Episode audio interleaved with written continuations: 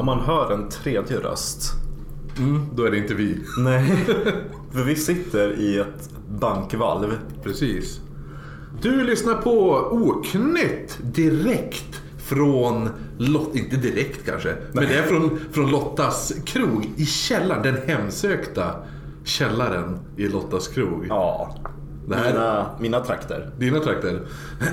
Oknytt är en norrländsk humorpodd där vi berättar eh, läskiga historier för varandra. Och vi är Kristoffer Jonsson och Marcus Österström. Välkomna. Tack. Och eh, tack säger jag. Det är jag som är host. Men eh, innan, innan vi går in på själva avsnittsgrejen. Det är några grejer som, som eh, vi måste... Eh, Reda ut. ja, precis. Dels, eller inte dels, men den här... eh, Kvällens gin. Ja, det också. Men först tänkte jag ta den här snubben som kommenterade en grej på våran Instagram. Där han hade en teori om, för vi kom inte på raw lobsters. Ja. Eh, användaren Oddball63 hade, eh, skrev då till oss att han har en teori om raw, raw lobsters namnet, för vi fattar ju inte det. För poliserna, som ni kommer ihåg från förra avsnittet, sa vi att de kallades för raw lobsters. Och han skrev då att armésoldaterna på 1800-talet kallades av flottan för lobsters på grund av deras röda uniformer. Och därför kanske då polisen, för de, deras uniformer som var mörka var då raw lobsters. Vilket jag, jag köper den teorin. Jag tror att, att det är det faktum att så var fallet. Ja, precis. Jag gillar även kommentaren på den här uh, The Jolly Bonnet när någon skrev är den köpt på indiska? Hon var medlem på indiska. Underbart. Men, men eh, vi ska innan, innan eh, vi presenterar kvällens gin eh, så har vi faktiskt, vi ska pröva en grej här. Vi ska ringa ett samtal. Till Skåne. Oj.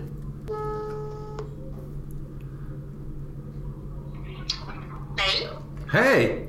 Det här är Kristoffer och Marcus från Oknytt. Halloj! Hej. Hej, vad gör du? Jag sitter på, på Möllan och dricker öl. Åh. Och så ringer du mig. Det var ju lite, lite speciellt. Va? Ja, va? Nej, vi tänkte, vi ville egentligen prata med Selma. Jaha, nej, Sel Selma ligger där hemma och sover tror jag tyvärr. Jaha. Eh, vi, ville Ja. mest, vi ville mest tacka för våran ginflaska vi fick.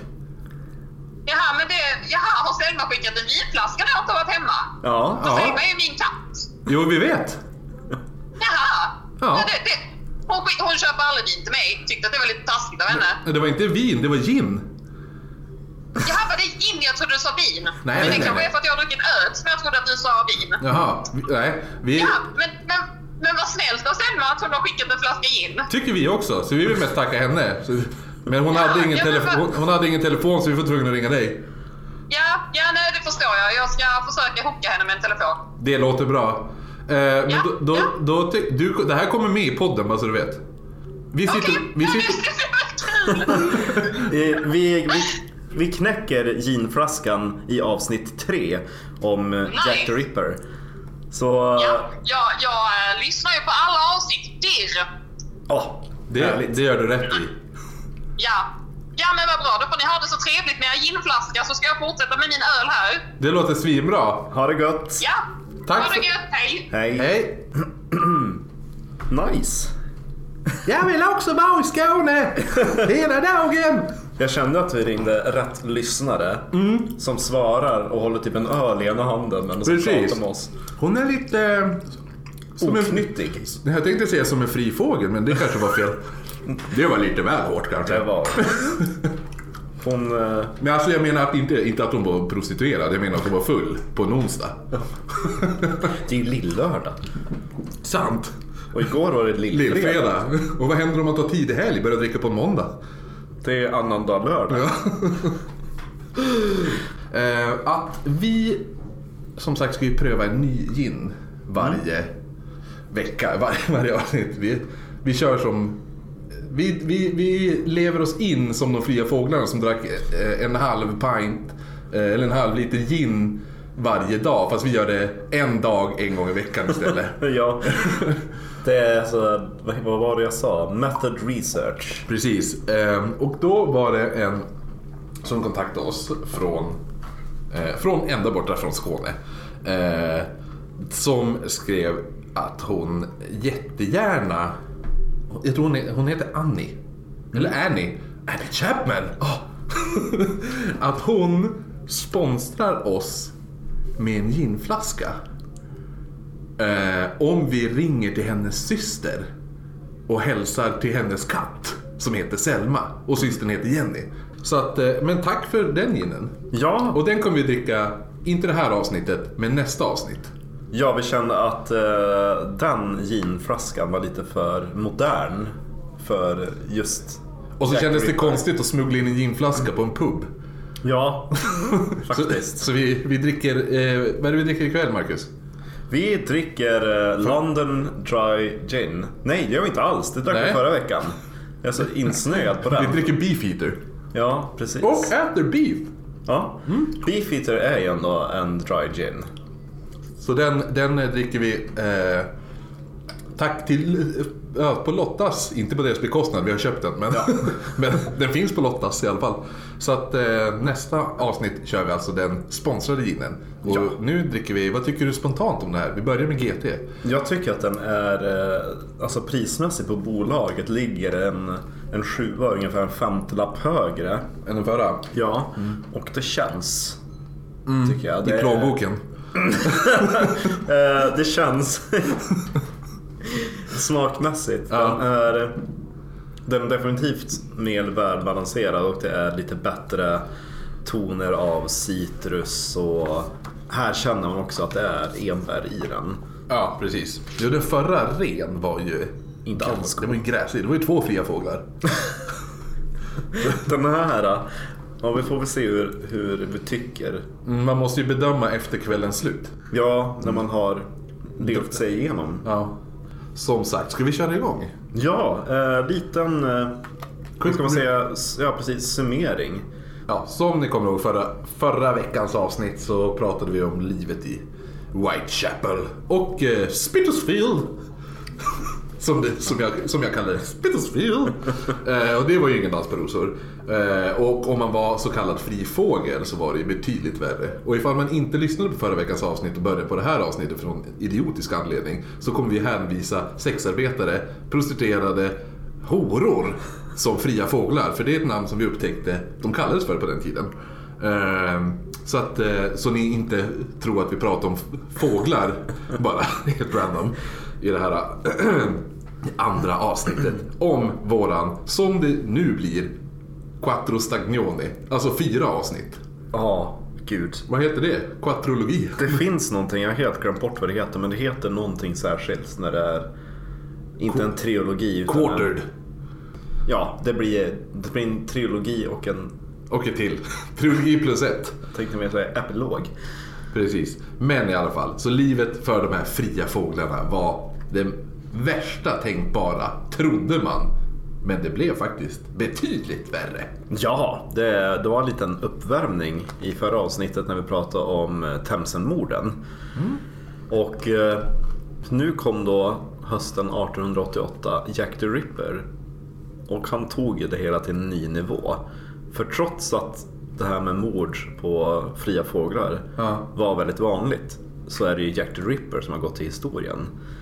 Och det är inte utan anledning. Precis. Men Jack the Rippers historia börjar ju först med en kvinna som heter Mary Ann Nichols. Och det är jättekul för alla de här kvinnorna vi kommer att prata om har ett smeknamn. Jag vet, men det är därför alla heter Mary eller någonting eller Kelly eller något sånt där. Mm. Och eh, Mary kallades för Polly. Mm, som papegojan i Monty Python.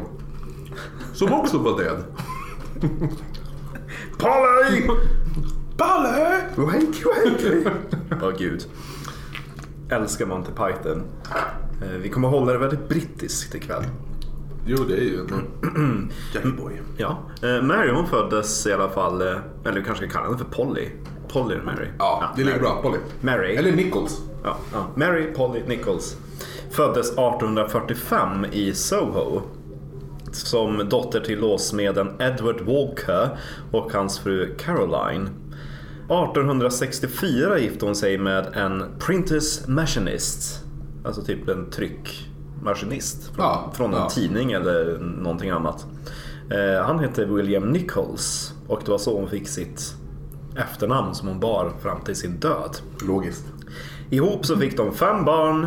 Edward John, Percy George, Alice Esther, Eliza Sarah och Henry Alfred. Väldigt brittiska namn. Hon gillade dubbelnamn också. Ja, jo, jo. För, för det var ju fem barn, inte tio. Däremot så, så skildes paret 1881 i krokarna där efter att Marys pappa anklagat William för att ha haft en affär med barnmorskan som assisterade vid födseln till deras yngsta. Inte samtidigt som hon föddes. Åh, men Under tiden. Men också, det här kommer vi ta upp lite senare, men det här är ju också troligen bara en ursäkt. Fick, vilka bilder jag fick inför mig nu medan hon håller på att liksom dra ut barnet. Ja, så står han bakom liksom. Ja, och hon står där och stönar. Nej, men, det här, alltså, men vi, ja, vi tar det senare. Att det är förmodligen bara en ursäkt för att eh, Nichols var ju typ värsta alkis-suputen. Ja, Och började stöta bort eh, sin familj och då ville hennes farsa lägga skulden på han Edvard. Så Ja. därför tycker jag vi kör hashtag team Edvard. Ja. och eh, på den här tiden så var det ju ofta så att, att kvinnorna var ju hemma och var husfruar. Och när eh, Mary hade blivit dumpad då var hon tvungen att få in pengar på något sätt. Och då var det ju lättaste, man behövde inte någon utbildning eller någon särskild skill utan det var ju liksom bara att hiva upp kjolarna.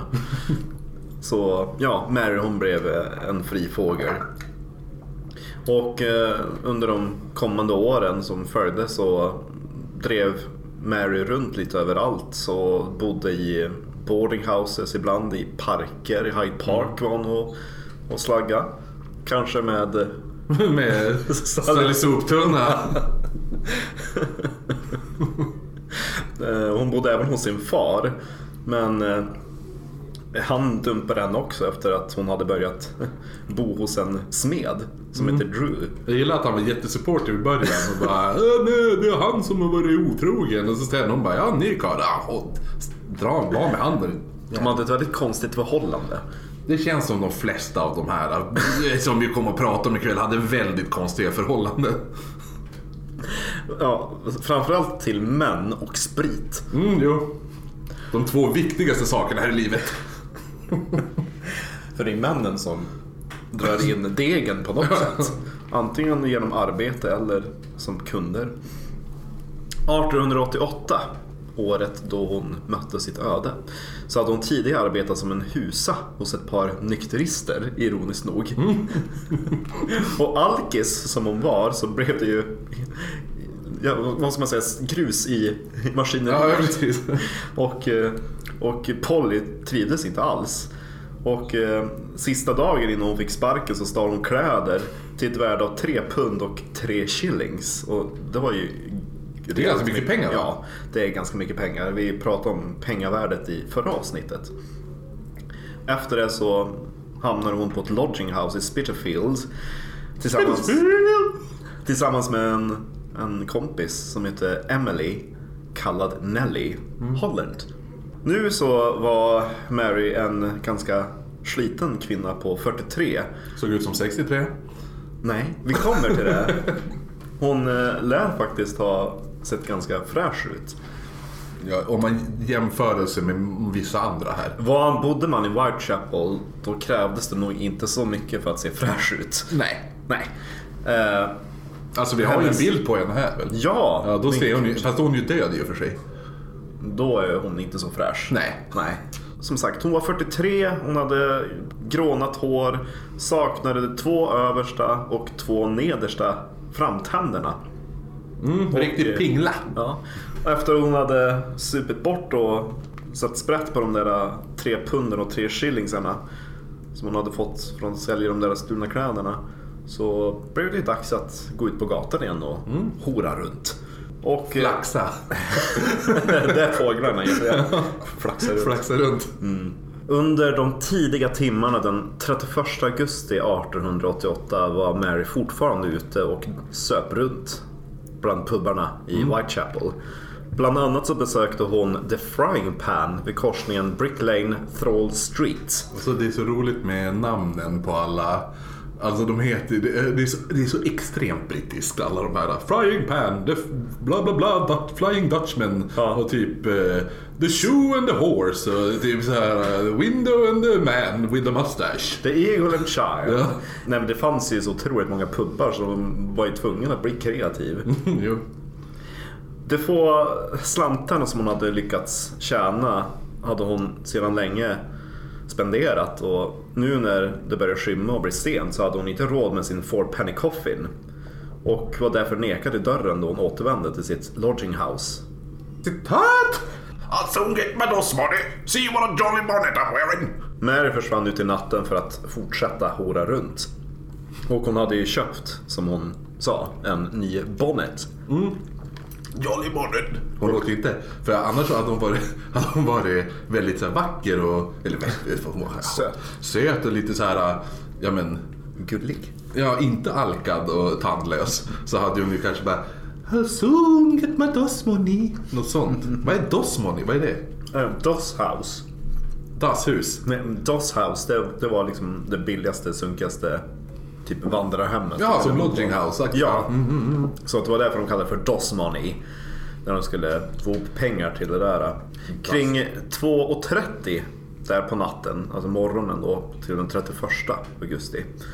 Mötte den här kvinnan som hon hade delat rum med, hon Emily Nelly Whatever. Ja, precis. Hon mötte Mary vid korsningen till Whitechapel Road, Osborne Street.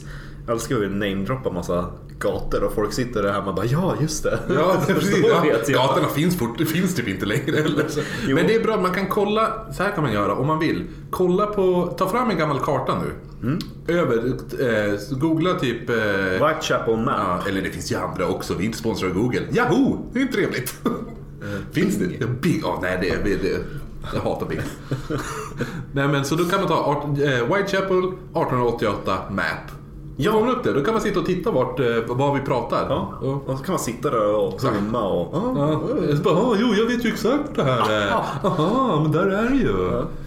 För då kan man ju se lite grann hur de har gått. Det är också Precis. ganska intressant. Fan vad ensamt det låter. Sitta och lyssna på oss två prata om mördare med en liten karta över en, över en stad i England 1888. Bara, ja, det här var roligt. Ja men det här är ju fredagsunderhållningen för de som inte har något bättre. Nej, precis. det här är inte liksom bara plan B utan kanske R. Precis, ja just det. Och så har vi lagt ut bingo.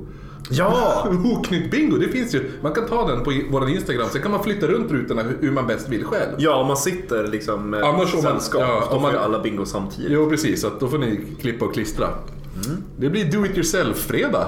Eh, Får ni bingo så lägg upp det och tagga oknytt. Ah, ja. Ja! Gud vad smart det ja, Nu fortsätter vi. Ja. Och eh, Mary mötte då en rejält berusad Mary som stod och raglade där i korsningen. Hon sa, eh, om, om det var sanning eller lögn vet vi inte, att hon redan hade tjänat ihop sina pengar tre gånger om. Men spenderat det på att dricka gin. Eftersom hon var så pass full, Ja. tänker jag att det kanske var sant. Men eftersom hon var så pass ful, tänker jag att det inte var sant. Det, det var ju det jag menade, man vet inte om det var sant. eller inte. Om det nu var sant, hon hade fått ihop pengarna tre gånger om. Då tänkte ju Mary, ja men då borde jag kunna få en fjärde kund. Det, jag har ju min, min Jolly Bonnet. Precis. Jävla snygg. Emily var däremot oroad över att Mary var så berusad och försökte övertala henne att återvända till deras krypin för att sova ruset av sig i köket. Men Mary, hon var fast besluten och ragade iväg med de sista orden man vet att hon yttrade i livet. Citat! It won't be long before I'm back.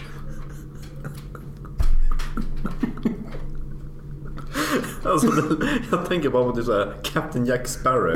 Eller vad heter han? Captain Bar Barbarossa. Vi borde göra en dokumentärfilm om så här Jack the Ripper-mord och så är det sjukt dramatiskt så här. dun, dun, dun, dun, dun, Och så bara någon brittjävel med mustasch som står och pratar. And then the last thing they heard her say. Och så gör de så här reenactment och så är det någon full ful tant som bara It won't be long before I'm back. Åh gud. Är det någon sponsor som lyssnar? Kontakta oss. Vi har en sponsor som lyssnar men hon ger oss jeans istället. Ja, tack sen. Det uppskattar vi nästan mer. Allt för att stödja våra, våra fungerande alkoholism. Under den närmaste timmen så gick Mary vägen längs Whitechapel Road. Där mötte hon slutligen en kund. Erfaren fågel som hon var visste Mary vilka gator och gränder som skulle erbjuda skydd för buset man planerade. Och hon tog därför täten mot Bucks Row. En mörk och belyst, illa belyst Ja, annars var det inte en mörk gata. Det var en kolsvart gata som var väldigt många gatlampor på. En mörk och obelyst bakgata. Jag tror det fanns ett gatljus i slutet utav den. En boende som levde på nummer 7 Bucks Row, Harriet Lilly, vaknade ungefär tre på morgonen av ett passerande godståg. När det hade passerat så hörde hon ett stönande och viskningar utanför men noterade övrigt inget alls. Shut up, shut up! Do it! Kvart över tre passerade två poliser ingången mot Bucks Row, men ingenting ovanligt noterades. 3.40, eller snarare 20 i 4 som vi skulle säga i Norrland. Ungefär en Jag tror de timme- skulle säga det i resten av Sverige också.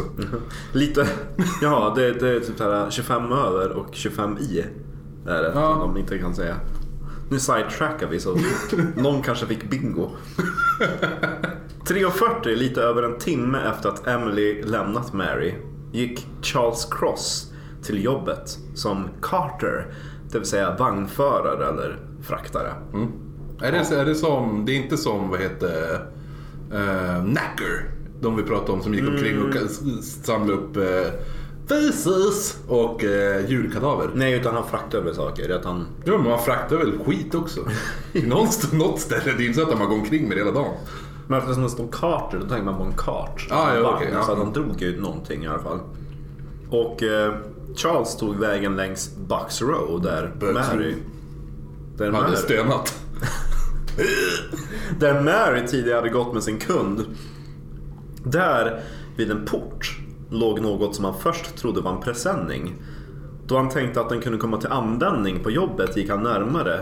Men Charles insåg snart att det inte var en presenning utan en kvinna som låg parallellt med gatan med sin kjol uppdragen över midjan.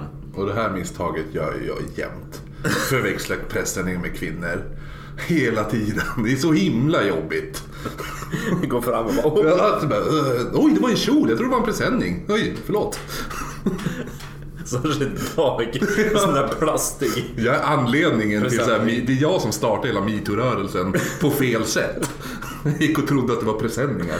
Ja. Charles tvärstannade, konfunderad och undrade vad han skulle ta sig till. Var hon död eller bara full?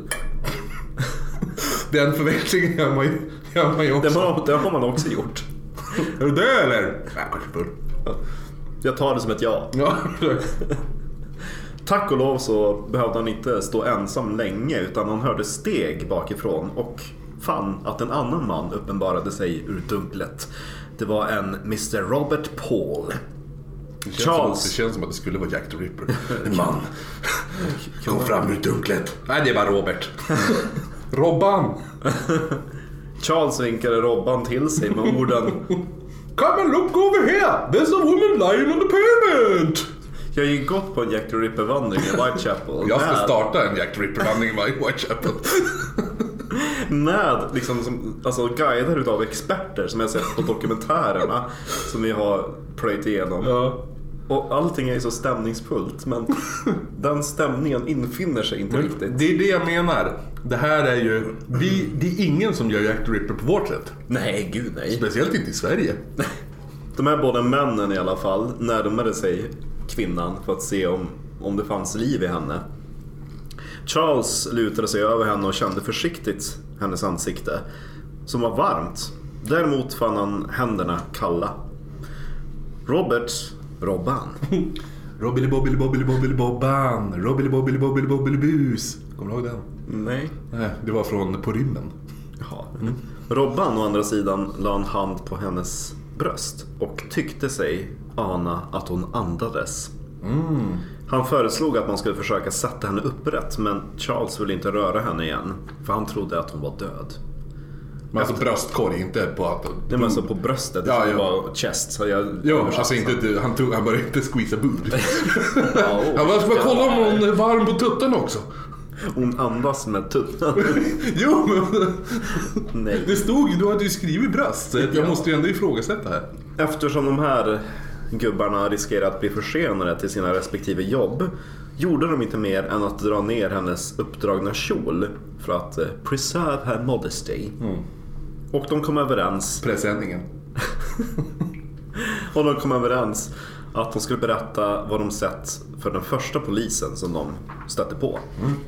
Men knappt hade de lämnat scenen förrän just en polis uppenbarade sig längs Bucks Row. Det var den patrullerande PC John Neal. Hello! Sa han tror jag. Han, han sa det nu i alla fall.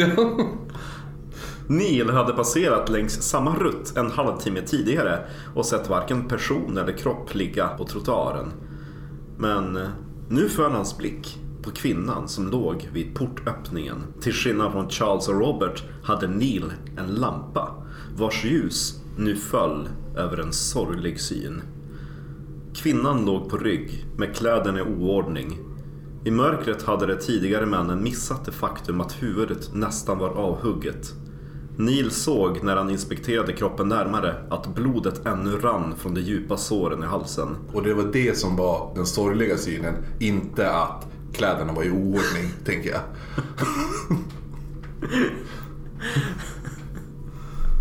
Hennes ögon var helt uppspärrade. Och vid hennes sida låg en... Jolly Bonnet!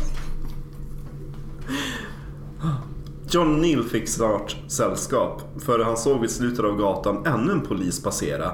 Det var hans kollega John Tane. Hello governor! Neil signalerar åt den andra John med sin lykta. Is a woman with a throat cut. Run at once for Dr. Llewellyn. Medan John Thane skyndade efter doktorn dök ännu en polis upp vid scenen. Jag älskar att, att, att helt plötsligt kryllar av poliser. Jo, exakt! Men just vid mordet. Då Det var var inte- ingenting, Nej, det är helt tomt. där. Sen helt plötsligt alla bara "Åh, här kommer jag! Hello, hello! Har det varit ett mord? Spännande. De var ju full de också, fattar ju.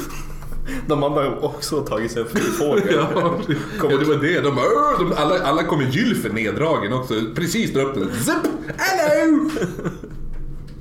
Eller så körde alla samma fågel. Så det är därför de kommer en efter en. För nu var han klar, så kom nästa, nu var han klar. Lite så. Polisen som kom var Jonas Mitzen. Och han var den polis som Charles och Robert hade stött på. Neil beordrade Mitzen att hämta förstärkning och en ambulans. Vilket känns lite overkill. Ja, man bara... Det, hon har inga huvud, ring ambulansen. Kanske kan sy ihop det och pumpa liv i. Alltså han såg egentligen bara att det var ett sår i halsen. Han såg inte att det var så allvarligt om jag, miss, om jag kommer ihåg Nej, det dessutom, vad fan är ambulansen? Det är typ en kärra på den här tiden. Ja, ambulansen, det var typ... Med en liten snubbe som sitter på... Jag tror att Pull over. han lät jättegay. Jo, han är gay. Jo, det är han. Det har jag bestämt. Ambulanssirenen på kärran är gay. Han återkommer förmodligen sen tror jag. Så när han, när han kör upp med sin vagn. Pull over! Nej, han bara... Oh, hello God. Klockan fyra anlände Dr. Henry Llewellyn och kunde efter en väldigt kort visuell inspektion av liket komma med, med slutledningen att hon var död. Han tittar och så bara... Kom iväg. Han är från Norrland också. Nej! Llewellyn det är ju ett eh, walesiskt namn. Dr. Llewellyn antog först att kroppen hade flyttats då väldigt lite blod fanns vid liket. Inte mer än eh, att fylla två stora vinglas gissar han, eller till en högst en halv pint. Vilket är ett, quote on quote. Ja. Eh, vilket också tycker är ett ganska roligt sätt att beskriva hur mycket blod det var. Tänk att köra den idag. Man, man tänkte ju allting i sprit. Jo exakt, tänk om det var jättemycket blod. Vad hade han sagt då? Ja, det var som en bag-in-box hade tömts. Minst. Ja. Och vid den här tiden, då Jack the Ripper härjade, när man beräknade när ett, ett mord hade begåtts, då utgick man på kroppstemperaturen. Och eh, utifrån det här likets temperatur så gissade Dr. Llewellyn att eh, mordet bör ha begåtts för ungefär en halvtimme sedan. Hennes armar och ben var fortfarande varma men de yttre lederna, alltså händerna och fötterna, hade börjat kallna.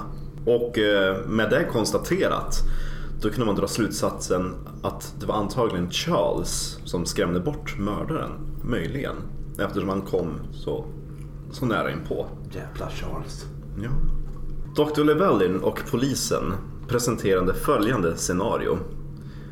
Mary ledde sin klient, tillika mördare, ned längs Bucks Row.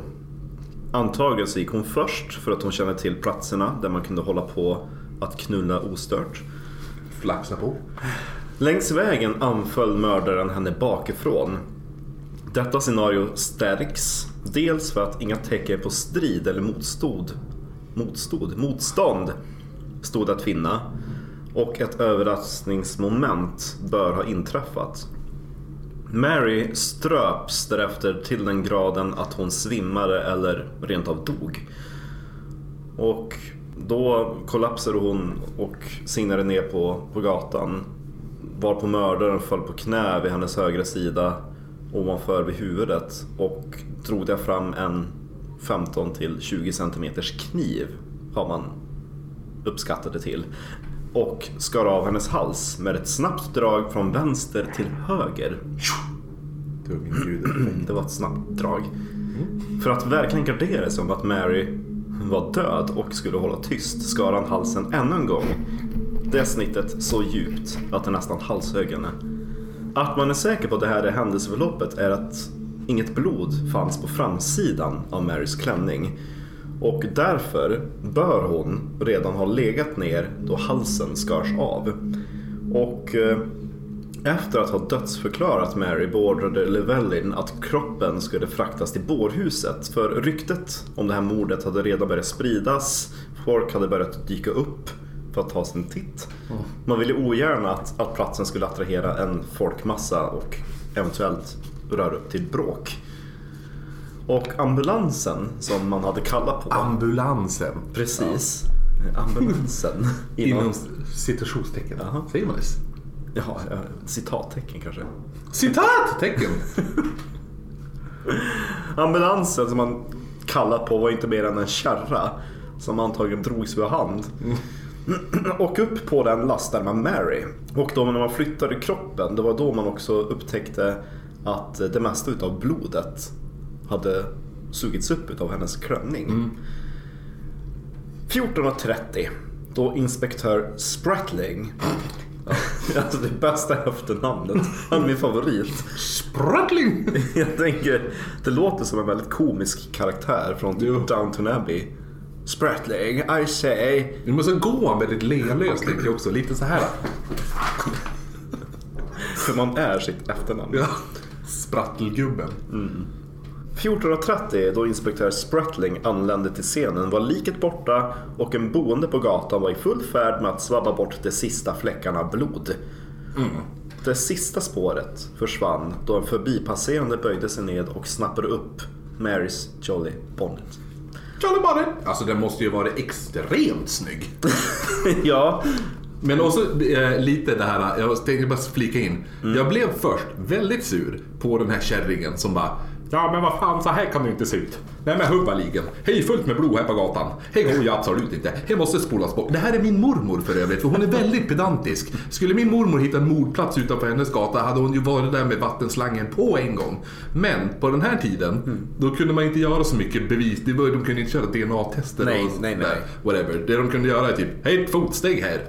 Ja alltså det fan, de hade typ gjort det de hade kunnat göra. Ja, så de. att, eh, så att jag är inte arg längre på den här tanten. Det är förmodligen en tant. Det är knappast varit en man Det var ju din mormor. Ja, det är min mormor som har gjort det. Jag är inte arg på min mormor längre. Med det här mordet så hade The Autumn of Terror begun. Eftersom det inte fanns någonting kvar på, på platsen för Inspector Spratling att inspektera så gick han istället till bårhuset som låg alldeles runt hörnet. För att där börja anteckna en beskrivning på offret som skulle användas vid utredningen. Det var där på bårhuset inspektör Spratling upptäckte vad Dr. Levellin i sin hast missat och vad som Charles och Robert dolt av misstag genom att rätta till kjolen. Och det var att kroppen hade blivit hemskt mutilerad. Mördaren hade inte bara nöjt sig med att nästan halshugga Mary utan han hade sprättat upp henne. Spratling lät genast kalla på Dr. Llewellyn. Sprattling och sprätt upp tycker jag funkar bra ihop. Jag tror att det är han som är Jack the Ripper. Du, du tror det? Ja. Jo, Sprättling. exakt. Jack Sprättling. Jack Sprättling. Tyvärr så hann Dr. Llewellyn inte till bårhuset i tid. För i väntan på att han skulle anlända hade två åldrade arbetare, Robert Mann och James Hatfield, klätt av kroppen och börjat tvätta ren den. Och det är inte sångaren i Metallica. Vem? James Hetfield. Jaha. Eh, jag- De stavas, efternamnet stavas olika. Och kläderna hade man dumpat i en hög på bårhusets innergård. Den ansvarande obducenten kritiserade dem hårt för att man inte hade väntat på Llewellyn så att han kunde göra en fullständig undersökning utav det orörda liket. Den rapport som Llewellyn slutligen sammanställde har däremot gått förlorad i tiden. Det som finns bevarat däremot är Inspector Spratlings ursprungliga anteckningar. Jag gillar, jag måste bara säga innan vi kör de här anteckningarna. De här som höll på med liket, de här Bill och Bull här. Ja. Jag ser dem lite som Helan Halvan. Så här, Lauren Hard. Alltså det är så här, det känns som en sån film också.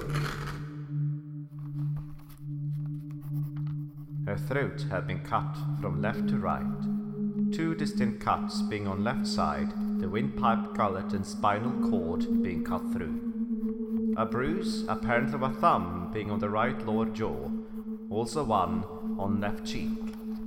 The abdomen had been cut open from center of bottom of ribs along right side.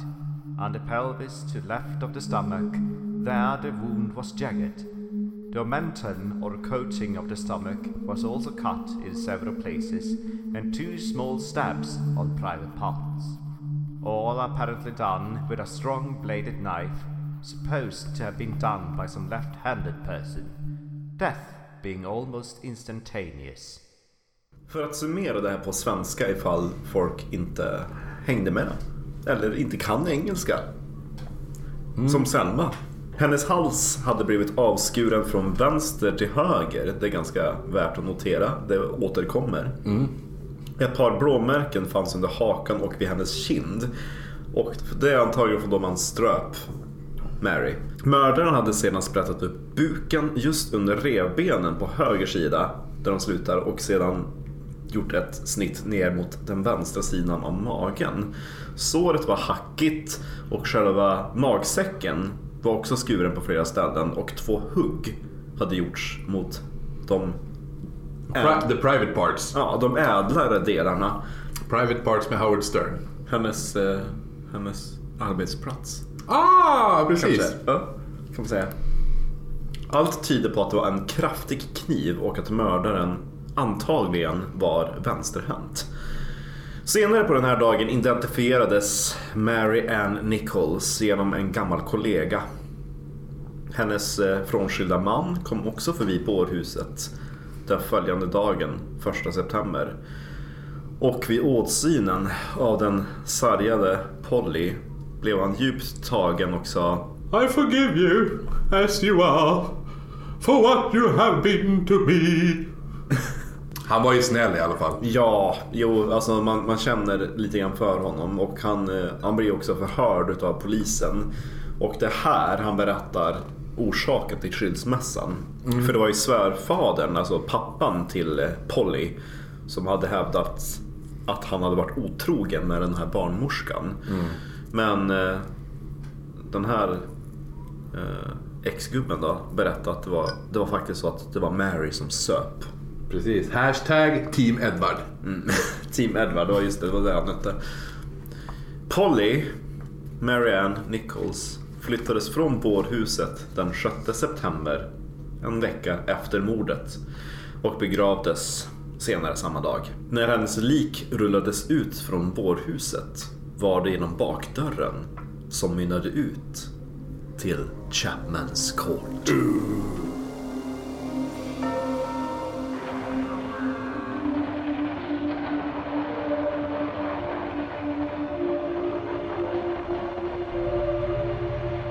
Annie Chapman. Åh, vilken snygg övergång. Åh ja. Född Eliza Ann Smith. Vart ännu snyggare när vi sa åh vilken snygg övergång. Ja, det blev ännu bättre. Annie Chapman, född Eliza Ann Smith. Alltså det låter inte alls som hennes namn. Nej. Hon var född 1841 som dottern till soldaten George Smith och Ruth Chapman. 1869, då 28 år, gifte hon sig med kyrkokusken John Chapman. Undrar om han var typ släkt med morsan. De delar liksom efternamn. Nej men jag säger ju det, alla heter samma fucking sak. Ja. Det finns ju ingen jävla logik. Det är typ, det är, det är, det är fyra aristokrater som satte på en massa fattigt folk i Whi- Whitechapel. Så fick alla samma efternamn och efternamn. Och samma sjukdomar. Ja, exakt. Tillsammans med den här kyrkkusken så flyttade de till västra London och fick tre barn ihop. Emily Ruth Chapman, Annie Georgina Chapman och John Alfred Chapman. Som sagt, det är fina dubbelnamn. alla. Men det är som jag, det är Johan Kristoffer Jonsson. Mitt fulla namn är Lars Marcus Johan. Och folk- Johan! Ja, ja. Den yngsta sonen, John, föddes 1880 med ett handikapp. Och... Två... Säger du handikapp? Handikapp. Jag säger handikapp. Handikapp. Okej, ja ja. Ja. Skilda världar. ja. Vissa är lite finare. Eller fulare. Som Annie Chapman. Två år senare, som spriten på ginet, dog deras förstfödda dotter, Emily Ruth, bara 12 år gammal. Och förståeligt så drev det här föräldrarna till ginflaskan och problemen hopade sig. Det slutade med en separation 1884. John hamnade på en fattigmansskola och den andra dottern var vid den här tiden runt 1888 med i en kringresande fransk cirkus. Man vill ju veta hennes story. Jag vill veta vad hon gjorde hon på den cirkusen. Ja, eller hur? Och så blir det ju lite så här. Det är lite jobbigt med barnen. En dör, en handikappad och, helt, och en är med i en fransk cirkus. Så man fattar ju varför de började supa. Och vad är det som är särskilt med en fransk cirkus? Tänker jag. Annie Chapman bodde ett tag tillsammans med en man i Whitechapel. Samtidigt som hennes exman skickade 10 shillings åt henne i veckan. När hennes ex dog av alkoholförgiftning upphörde inkomsten och den nuvarande gubben dumpade henne också. Mm, världens sämsta golddigger. Ja, alltså 10 shillings är fortfarande inte jätte, jättemycket pengar. Nej, bara. Väl utslängd på gatan blev Annie nu tvungen att försöka försörja sig själv. Till en början gjorde hon konstgjorda blommor. Men den inkomsten kom inte att täcka utgifterna. Så hon kombinerade med att prostituera sig. Mm, kan ju inte vara de snyggaste bl- blommorna. Det är så underbart. Vad gjorde hon dem av? Men jag läste också, hon, hon hade även sålt såna här virkningar som hon hade gjort. Och tändstickor. She was very crafty. Ja, jo, jo. Föga förvånande blev Annie djupt deprimerad och fick smeknamnet Dark Annie. Det kan även ha anspelat på det faktum att hon hade mörkt hår. Hennes vänner och bekanta bekräftade däremot att det tycktes som om hon hade gett upp hoppet om livet. Det här årets, årets partypooper. Där jag bara, åh nej. Alltså ska mörk Anna följa med? Ah, nej, då stannar jag hemma. Ja, hon kommer bara försöka sälja sina fula blommor. Åh nej, mörk Anna, jävla blommor. Under natten till den 8 september gick den då 47-åriga Annie Chapman ut för att försöka skaffa fram pengar till ett nytt lodging house. Såg ut som 67. Ja. Sa vi det förresten? Nej, vi tar ett annat avsnitt. Okej. Allting som vi glömmer bort trycker vi in i ett extra avsnitt. Ja. Så vi absolut blir den längsta serien i svensk eh, podcasthistoria. Ja. ja. Hon hade blivit utslängd tidigare samma dag efter att eh, ha bråkat med en annan boende på, på det lodging houset över en bit tvål. Och jag grävde runt i den där tvålhistorien och Ja. den är sjukt motsägelsefull på vissa platser.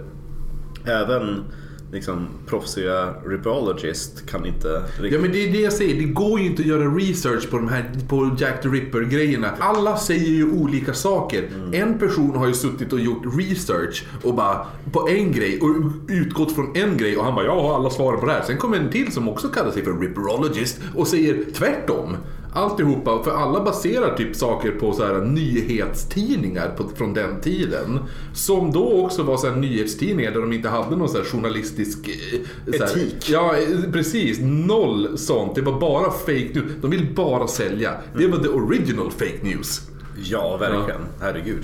Så, alltså, egentligen så hon blev inte utslängd just den dagen för att hon bråkade om en tvål. Utan hon satt tidigare den dagen i köket på det där lodginghouset och käkade en bakad potatis. Ja. Och så kom det typ en personal därifrån då och skulle driva in hennes hyra. Hon bara ah, “Sorry, I haven't got any dos money”. No dose money. Sorry, Dark Annie. You know the rules. Off you go. Okej. Eh, det var mer så det gick till. Men alltså, Det här säger ju också, även det här tvålbråket Ja. säger ju en del hur jävla smutsig de var.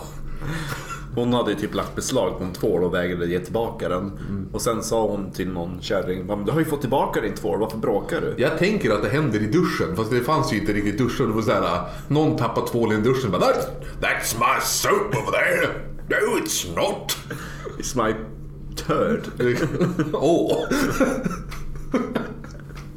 det, tog en, det tog en drastisk vändning kände jag. Enligt en anställd eh, vid namn Tim Donovan på det här gamla lodginghuset så hade Annie begivit sig ut runt eh, kvart i två på natten.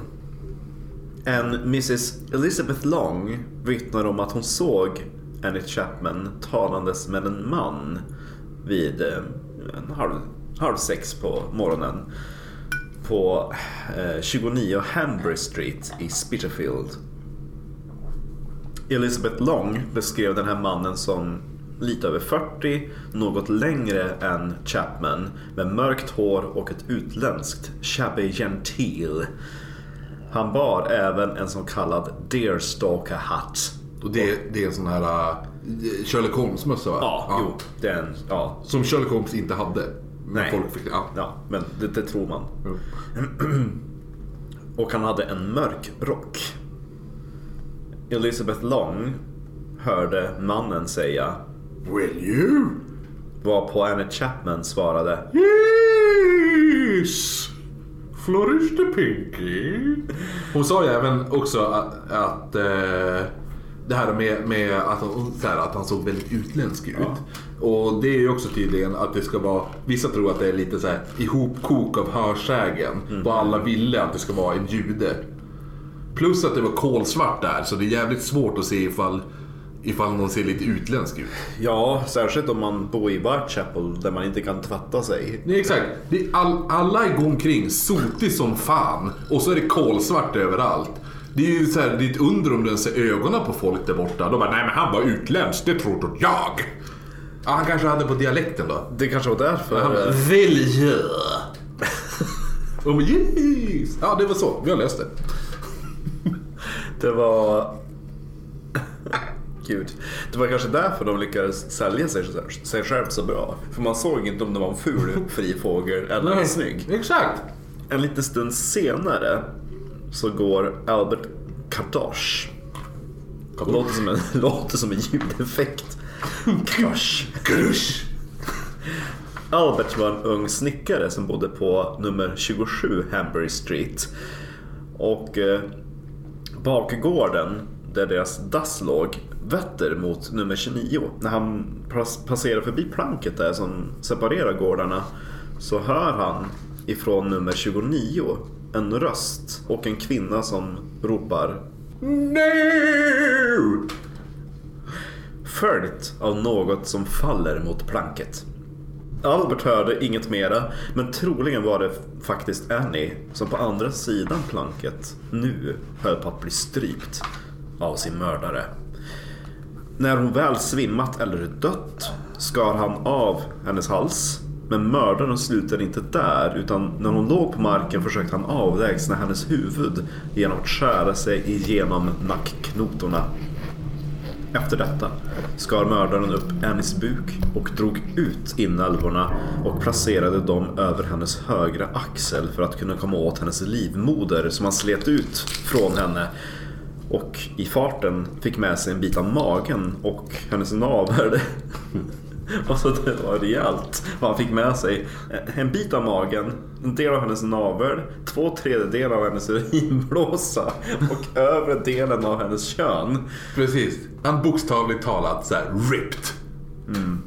Där man, jag, jag tycker det är väldigt snyggt. Han, han slet verkligen. Ja, precis. Men också så, det är väldigt viktigt också att komma ihåg att han la inälvorna på höger sida om henne. Vilket också är ett återkommande tema i det här. Ja, höger sida.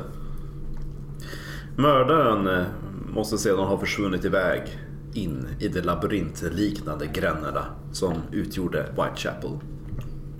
Lite före klockan sex där på morgonen, 30 minuter drygt efter att mordet begåtts, gick den åldrande John Davis, en boende på nummer 29 Hambury Street, nerför trapporna mot den smala passagen som löpte genom huset och öppnade bakdörren till innergården. Synen som mötte honom fick den arme mannen att stappla tillbaka i skräck. Samtidigt, Han var ju faktiskt på väg till, till dasset. ja, jo, Ha, har ju sagt alla- i vittnesmål. Ja, och det är en jättejobbig start på dagen. ska gå på toa och så. Ja, öppna. För då blir det så här, man är skitnödig, hittar ett lik. För, och då är ju så här frågan. Efter han hittade liket, Ja. gick han då på dasset innan han gick till polisen? Nej, Det hade jag gjort. Nej, han gjorde inte det. Utan samtidigt utanför så går två arbetare längs Hambury Street. Och de får sig en rejäl överraskning då dörren till nummer 29 flyger upp och en storögd gammal gubbe stapplar ut på gatan och ropar Men! Kom här! Och det är män som in, alltså, flera män. ja inte men! Kolla här! Alltså, inte, ja. Ja. Nervöst så följde de här bägge arbetarna efter John genom passagen till nummer 29s innergård för att där finna den svårt sargade kroppen efter Anne Chapman mellan trappan och planket. Huvudet var vänt mot huset och kläderna hade ryckts upp över midjan och exponerat hennes röd, rödvitrandiga strumpor. Lite såhär, where is Waldo feeling. Lite också Freddy, Freddy Krueger, Freddy Freddy Krueger, Krueger ja. strumpor. Mm. En halsduk var knuten runt halsen och både ansiktet och händerna var dränkta i blod. Armarna och händerna var böjda bakåt mot överkroppen vilket gav ena vittnet intrycket av att Annie hade kämpat för sitt liv.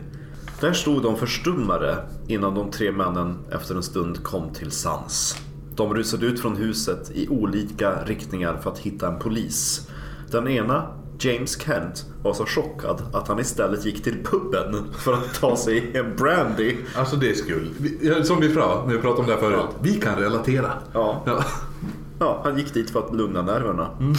Hans kamrat, Henry Holland, rusade däremot upp till Commercial Street och mot Spitalfields Market där han till slut mötte en stationerad konstapel.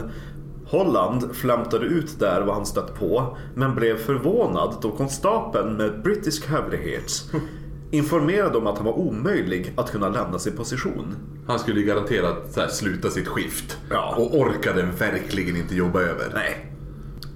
Holland gick liksom lite senare i alla fall till polisstationen efter det här hade blåst över för att liksom klaga och ge lite feedback om det här bemötandet.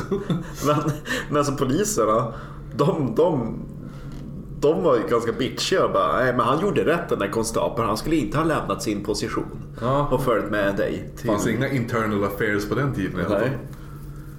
John Davis emellertid, han hade rusat direkt till Commercial Streets polisstation.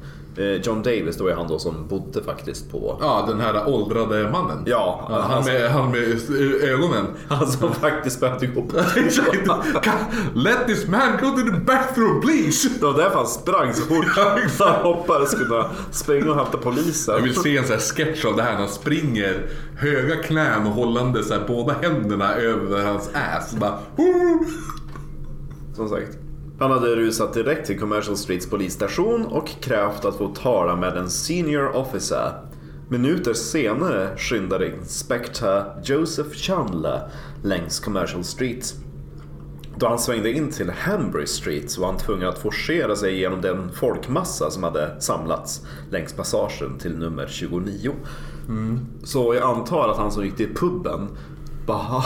Ja, alltså, du kommer aldrig tro vad jag... Är exakt, nu jävlar Jag skulle ha Han är ju för fan Krösa-Maja. Ja. I Emil i Lönneberga. Nej, nu gav du någon bingo. Ja, just det. Jo men det är ju det. Nej? Nu ska du få höra vad Emil har gjort. Ja, men i alla fall. Men jag, jag tänker ju också.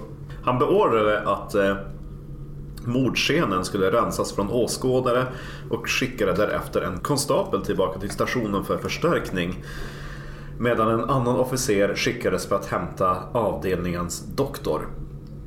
Chandler fick tag i en säck som en av grannarna lånade ut och använde den för att täcka över kroppen tills dess att doktorn anlände. Tur det. Så att det inte var en presenning han hittade. För det... Då hade du jättejobbigt. Han kunde ju ha sparat Pollys presenning. Eller så bara, hämta en säck idag. Vadå, det ligger ju en presenning där ju. Det är din mördad kvinna. Jaha! Åh gud. Jack the Ripper och presenningar. Åh gud. Nej. När jag har mina vandringar i, i, i Whitechapel i London när jag kör mina Jack the Ripper-vandringar. Då ska jag ha, istället för en cape ska jag ha en presenning. Knuta runt. Det var här man trodde att man hade hittat en presenning. Alltså vandringen utgår från perspektivet att det här handlar om arbetare som var på jakt efter en presenning men stötte på mördade kvinnor istället. Bästa. Det finns ingen som har den tolkningen av Jack Ripper. Det är där vår bok ska vara om Jack Ripper. Den här doktorn som man skickade efter var Baxter Phillips. Han eh, anlände till nummer 29 runt eh, halv sju på morgonen. Redan då alltså, news travels fast. Jo. Utav Krösa-Maja. Där på puben. för, för, för den här Dr. Phillips, han var tvungen att forcera sig igenom en folkmassa på flera hundra personer som stod utanför och i den här passagen som ledde till bakgården. Jag, jag har för mig också att Bax, alltså Baxter Ja. eh, var... Kommer du ihåg? Eller du kommer ihåg, du var ju med för, förra avsnittet. Ja. Men för de som inte kommer ihåg så pratade vi om en... En... eh, Torso. Ja precis, Torso Murders där en, en eh, typ huvuddoktor hade beordrat en, den andra doktorn att sy ihop likdelarna. Ja. Mm, jag tror att det var Baxter. Vi kan dubbelkolla det sen, men jag har också mm, har för mig det. Jo, men jag vet att det är en av dem som sköter det här i alla fall. Jo, men det är Baxter som dyker upp främst. Dr. Levelli. Eller så tror- är det han, ja, åh, de två är The Ripper. Nej, vi ska inte hoppa till avsnitt fyra. Ja. Vi kan vinka och heja till avsnitt fyra.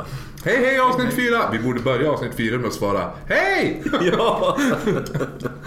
Då har vi pratat med oss själva i framtiden. Ah, värsta Doctor Who. Ja. Eh, Men den här innergården i alla fall, den var helt fri från besökare än så länge. Och eh, när Baxter kom dit så stod det ganska klart för honom att det fanns ingenting som hans läkarkunskaper kunde göra för den här kvinnan som låg på, på marken framför honom. Som sagt, som vi pratade om tidigare. Nej, hon är död. Ja, ja men alltså obviously, liksom typ hennes mage har blivit utryckt Jo. Och eh, vid ett senare förhör så berättade Baxter vad han såg. Och, och jag har gett honom en typ Ian McKellen-röst.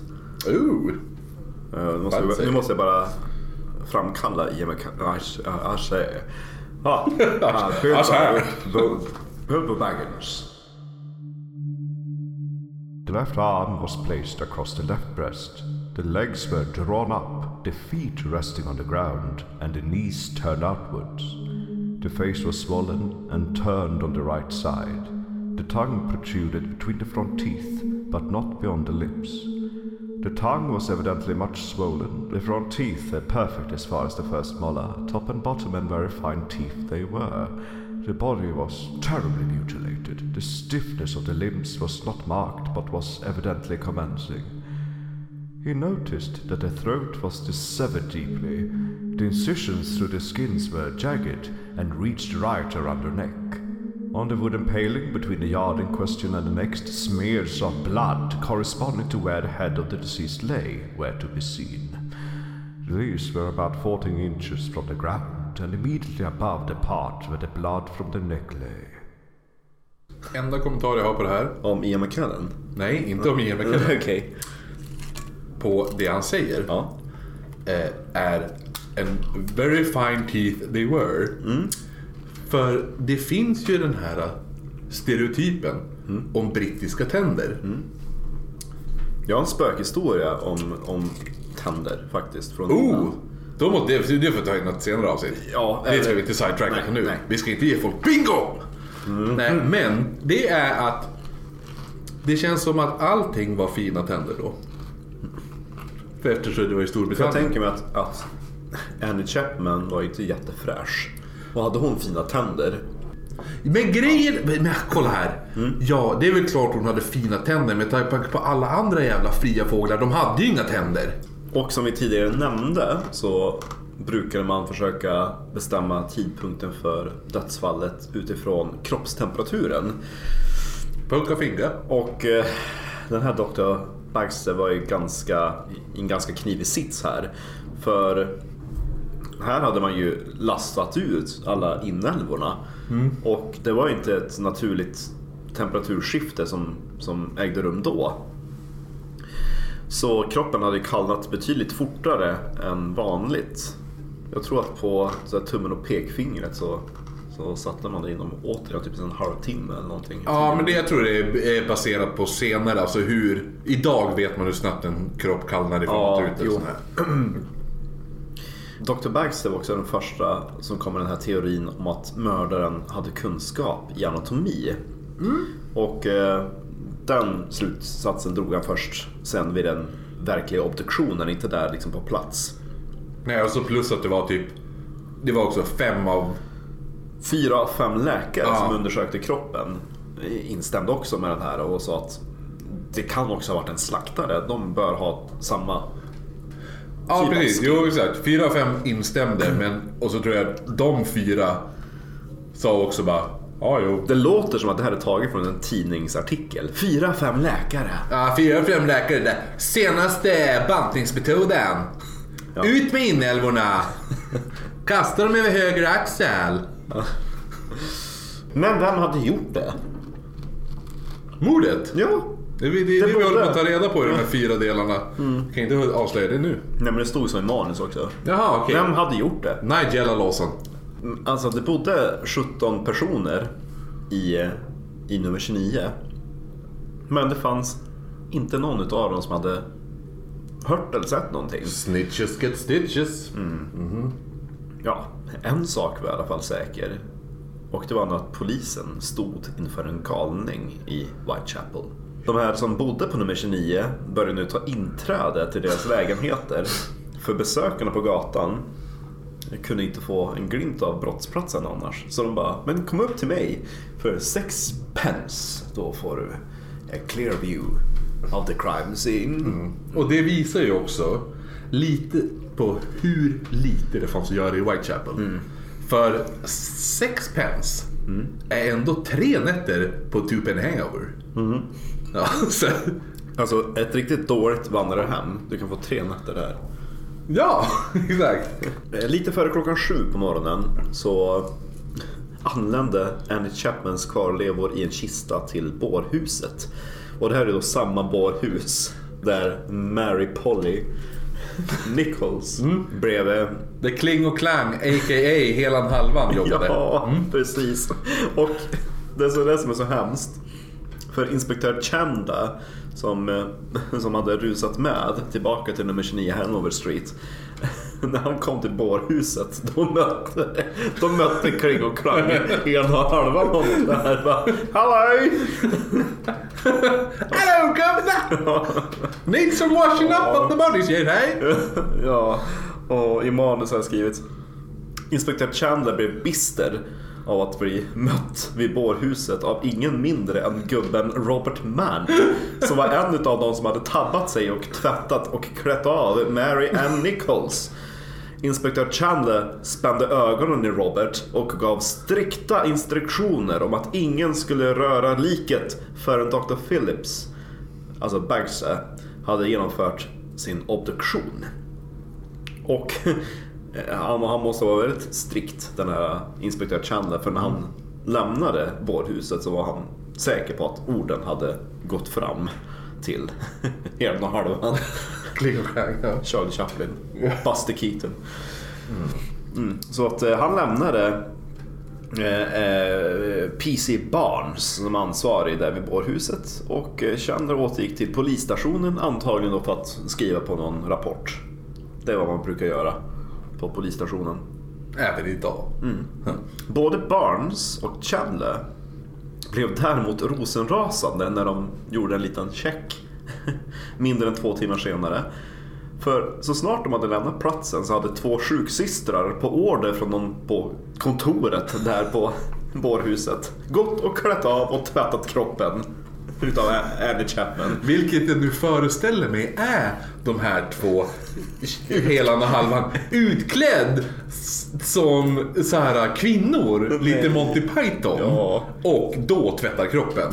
Men jag fattar inte också varför det är så jävla bråttom att tvätta liken. Nej, inte jag heller. Nej, Har de så mycket att göra så Men jag, ja, men jag tänker att det, det är lite så här. Man måste ändå tänka sig att det här är en tid där folk inte är insatta Ja. i vad viktigheten med vissa saker.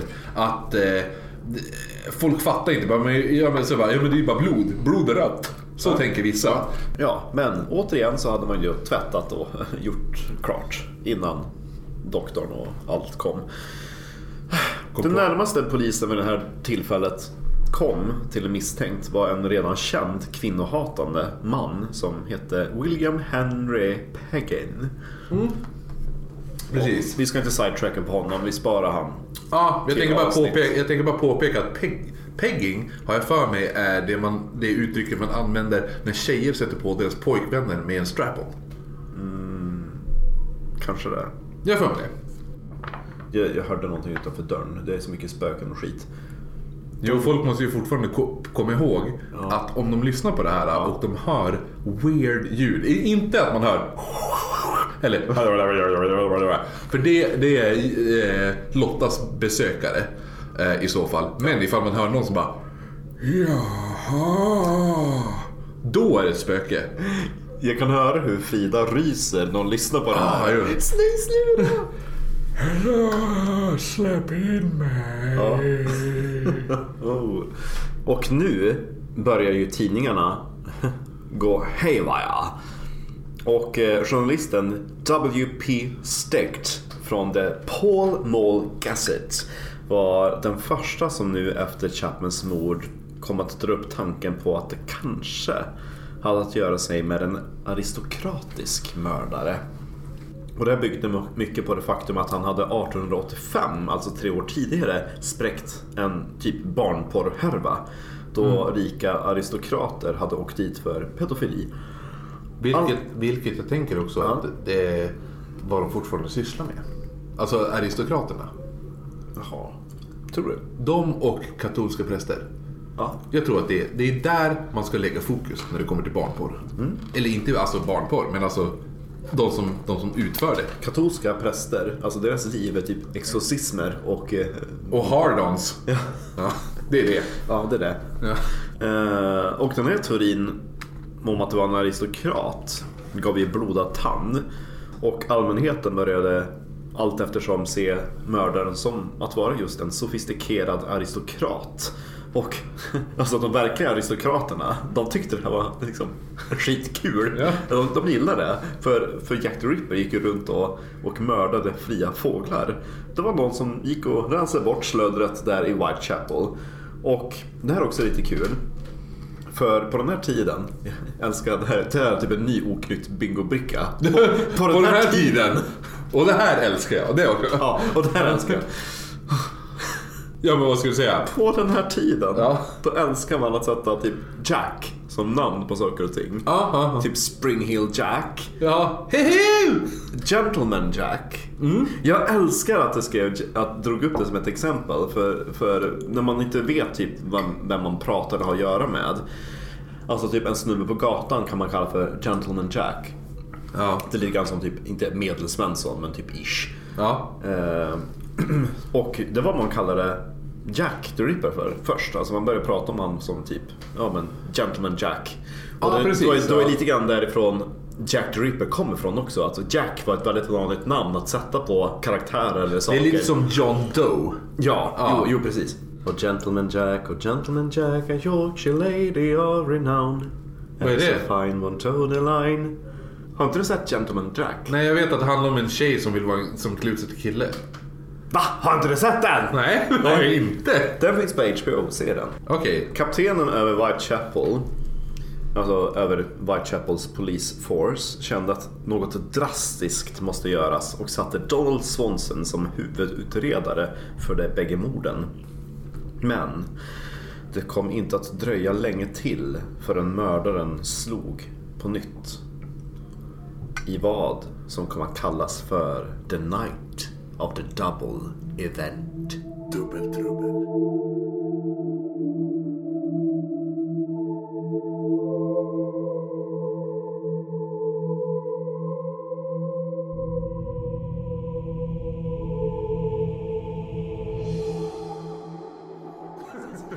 Nu är vi tillbaka efter att ha varit och spenderat en penny. Köpt en öl respektive eh, ett glas vin. För man kan ju inte bara dricka gin. Det kunde man på den här tiden. Jo, jag tror ändå att de körde varannan någonting. Du, jag dricker ju faktiskt vin i ära av Jenny som vi ringde. Ja. Som trodde att vi sa vin när vi sa gin. Ja, gin. Jo, jag vet. Jag, jag tror det var jag som sa gin. Jo, det var därför hon trodde det var vin. Ja, för jag säger gin på mitt uppfuckade sätt. Och som sagt, nu blir det festligt eh, vi ska till Sverige. Till Mm. Torslanda. Vilken- Torslanda. Åh, tänk om vi har lyssnare i Torslanda. Ja! Shoutout till Torslanda. Känner ni någon Gustavsdotter där som bor eller ja, verkar i närheten av Torslanda så är det möjligt att ni i så fall är bekant med en släkting till Jack the Rippers nästa offer. Elisabeth Gustavsdotter Stride. Och återigen ett nickname.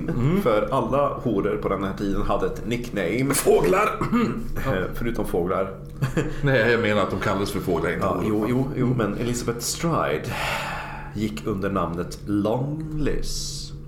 Tydligen så var hon väldigt ståtlig med sina 165 centimeter. Vilket inte var speciellt långt. Nej men typ Nanne Grönvall, som vi sa. Ja, men sista offret, Mary Kelly, är 170 centimeter. Hon borde hetat Longliss. Eller Long Mary Kelly. Polly. man, man kan ju aldrig heta det man heter, för alla andra heter det. Ja, fast Polly var ju första Barry. Jo, Du ser ju, det här är ju det dummaste jävla... By... Helvete, jävla... Fan. De var ju sämst på att komma på namn i den, på den tiden. Ja. För det, är- det där som är så kul när jag har gått igenom våra anteckningar. Du föredrar att säga efternamnen och jag föredrar att säga förnamnen. För jag tycker att förnamnen, då kommer man lite mer personligt. Jo, jo, det är Men du- personligt. Men alla heter Mary, eller Ann, eller Polly. Polly eller Emily, Nelly. Eller Liz. Ja, det är som... Men i alla fall den här... Kan man inte het- hitta någon jävel som heter Gertrud i alla fall? Gertrude. Gertrud, heter min farmor förut. Shoutout till min farmor. Elisabeth Gustafsdotter, sedermera Stride. also known as, a.k.a. Long Liz. Bättre det än Luscious Liz. Det hade jag hetat om jag hade varit fri fågel. Jaså? Ja, Luscious Liz. Jag gillar att du har kommit på ditt hornamn. Elisabeth Gustafsdotter Stride föddes 1843 Torslanda, som vi tidigare nämnt. Jag kanske har nämnt det förut också. Hennes... Eh, Som vi tidigare har nämnt, jag kanske har nämnt det förut. förlåt! Ginen börjar kicka in och så kör jag ju blandare med London Pride. Mm. Hennes föräldrar hette Gustav Eriksson och Beata Karlsdotter. Och de körde väl på den här gamla traditionen att man får sitt efternamn efter sin far. Ja, precis. Lite grann som Gimli, son of Gloin. Nu är det Kristoffer, son av Stefan, hade jag hetat. Marcus Tomasson hade jag hetat. Ah, ja, okej. Vad hade du hetat? efter Jag sa ju det. Alltså, Du sa ju son of Stefan. Stefansson. Ja, Ja. Kristoffer Stefansson. Och eh, Marcus Tomasson. Du hade bättre efternamn. Ja, jo. Jag tror det var P3 Historia som har en, en, en dokumentär som heter Jack the Rippers svenska offer. Okej. Och då nämner de ju Shoutout till er då. De nämner ju hela hennes bakgrund. Ja. Fram till 1866 då hon flyttade till England. Och för att göra en liten snabb summering då av hennes tidigare år i, i Sverige. Hon typ jobbade som husa, piga eh, och av någon anledning så valde hon att, att avsluta sitt, sitt jobb. Och man vet inte riktigt varför. Det går typ en teori om att hon kanske blev våldtagen av sin arbetsgivare, att det var något fuffens. Eh, hon eh, var i alla fall känd i polisen i Göteborg för att vara prostituerad. Och eh, hade också blivit registrerad två gånger på ett år för att ha behövt behandling för könssjukdomar.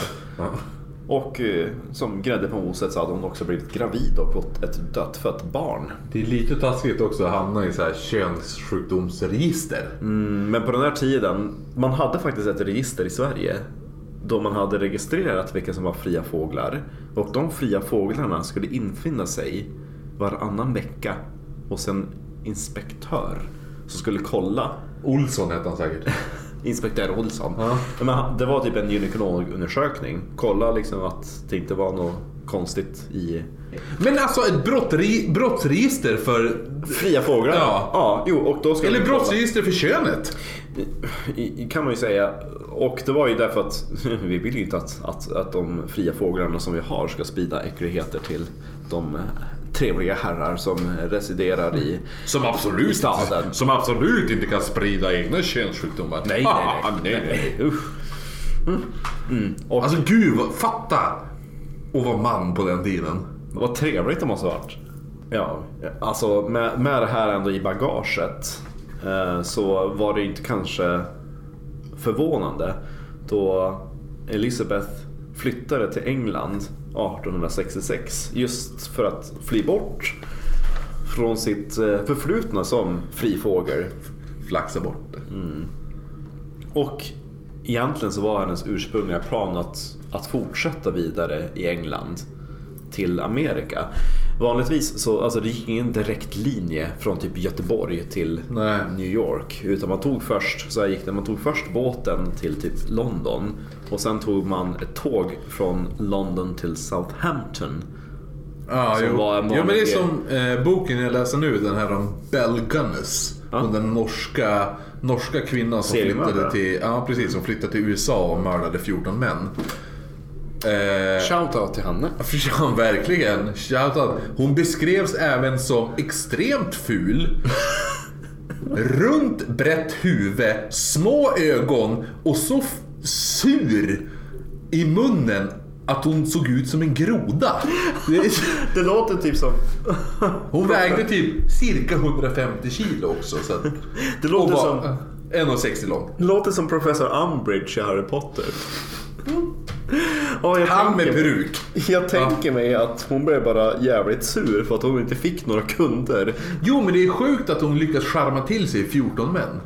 Ja, alltså Ja. jag tänker ändå att... att I alla fall, men för i den boken så beskriver eh, Harold Schechter då, som har sk- skrivit den här boken, eh, hur man tar sig frå, från eh, Norge till USA. Och jag skickade ett stycke till dig där, från den boken, när de beskrev maten ombord. Där de hade utlovat den som väldigt fräsch och fin. Och så. Och en av passagerarna beskrev sen maten som att det var inte alls fräscht och fint. Utan en dag serverade vi, serverades vi eh, griskött. Ja. Och det här grisköttet kändes som att den, här, den, den grisen hade gjort den här resan förut. ja, jag älskar den. Ja. Tyst! Hörde du? Jag hörde pip pip. Nej, nej, nej. Det var någon som fick bingo. Sidetracking! Ja. Hon hade ju som sagt dragit iväg. Tanken var att komma hela vägen till Amerika. Hon kom bara till London. För där behövde hon ju samla ihop pengar för att ta färjan över till Amerikat. Och hon blev kvar i London. Tre år senare så fann hon sin kärlek med den 13 år äldre skeps, skeppsbyggaren eh, Thomas Stride. Och det var då, i samband med det äktenskapet, som hon bytte sitt namn. Tillsammans så drev de under en tid ett café i Poplar som låg i East End. Låter jättegulligt. Det låter jag. väldigt franskt. Poplar. Nej, men alltså driva ett café. Jag tänker att det låter väldigt bögigt. Jag Jo, att- jag, att sa ju just det. Franskt. Jaha. jag tänker att Stride, han, han kanske skilde sig för att han tyckte att det var lite fjolligt. Jo. Closet, closet gay. Classic gay. Tillbaka till Stride. 1877 verkar som att det hade skitit sig då hon lämnade in ansökan om skilsmässa. Och eh, hon eh, hamnade, ja, Elisabeth då, på Poplars Workhouse. Men jag antar att man inte kommer över ett uppbrott så lätt för 1881, alltså fyra år senare, hade de hittat tillbaka till varandra. Men innan det här året var över hade de skilt sig på nytt. Och jag hatar såna här människor. Som inte kan komma på vad de vill. Jo men du, det är ju de här som sä- sätter ut på Facebook. Åh, jag är så kär i dig. Åh, du är den bästa som finns. Och så sen typ två veckor senare, då bara Livet är surt, han är ett as. Jag är så van om att det var Stride som gjorde det, för hon var den yngre. Alltså efter andra gången de hade skilt sig så älskade Stride att berätta den här dramatiska historien om hur hon och hennes man tillsammans med deras nio barn drunknade på den kända passagerarfartyget Princess Alice som sjönk i Themsen efter att ha blivit rammat av ett fraktfartyg. Och nu formulerar det som att Stride också hade drunknat ombord. Ja, nej, det hade hon inte. Nej, det hade hon, obviously, det hade hon inte. Hon, hon överlevde. Men 700 andra dog. Hon kämpar för sitt liv där i, i Themsens vatten.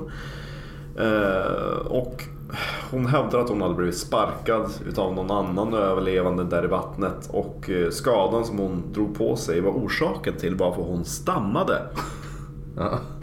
Verkligheten var däremot helt annorlunda. Princess Alice sjönk 1878 medan Elizabeths man dog 1884 i tuberkulos på Stevens Sick Asylum utan att paret fått några barn överhuvudtaget. Nej. Ja. Så att hon är ju uppenbarligen såhär, Ja. Där, mytoman. Ja. Sen så är det lite Oj. kul om just den här Princess Alice-förlisningen. Ja. Om jag minns rätt. Alltså Themsen var ganska sunkig på den tiden. Så folk dog typ av typ så här förgiftning. För att de fick kallsupar. Ja. Och att de typ så här svimmade av att Nej. vattnet var så nasty. Jaha. Är det så? Jo, jag tror. Jag tycker mig minnas det. Men, vet du vad jag tycker? Men. Men, Ja. det här är alltså hennes jag ska försöka impa på folk historia. ja, men hon sitter ju på puben där så Ja, men, va, jo, men vem har inte gjort det? Vem har inte suttit på puben och så dragit en liten lögn? Eh, nej men då, var det, då, då försöker man ju ändå impa på folk med sina lögner. Jo. Du sitter inte så bara... Jag, jag stammar. För att...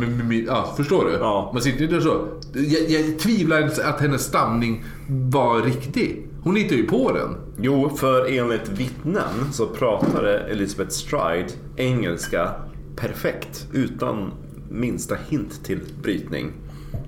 Ja, då var hon från Sverige på Ja. den tiden. Ja. Ja. Ett till faktum på att det här var fake news Ja. var det att de få personer som faktiskt överlevde den här eh, katastrofen fick rejält med skadestånd. Jaha, och, okej. och Elizabeth Stride ansökte aldrig om att få något skadestånd från rederiet. Nej. Och var man fri fågel och hemlös nej, så att hon, hon var helt enkelt inte ombord. Eh, sen så är det lite kul att alltså man hade inga passagerarlistor Listor. Nej. överhuvudtaget. Så att man vet inte vilka som var ombord. Det är därför man har ett ganska suddigt nummer på hur många som dog och överlevde. Förutom att, att sprida lögner Ja. så sydde Stride också. Hon jobbade som sömmerska.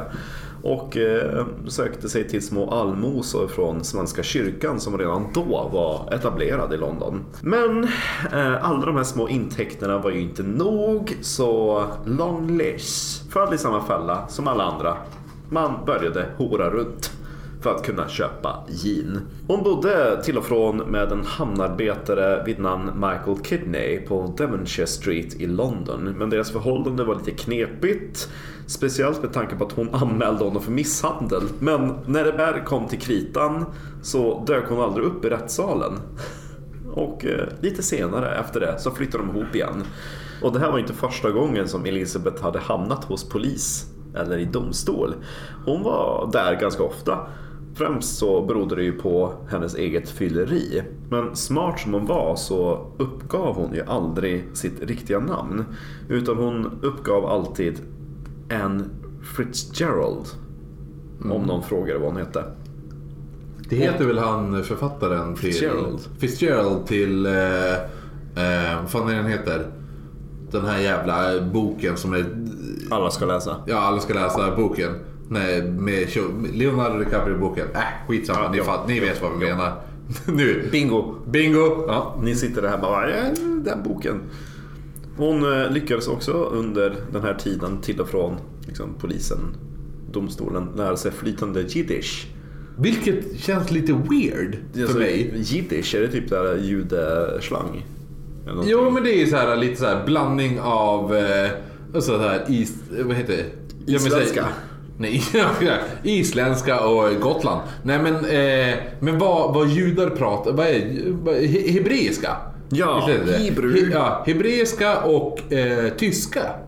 Jaha. Men det jag tycker är väldigt intressant. Var att det står att jiddisch, jiddisch Ja. var det språk som de lägre stående folken pratade.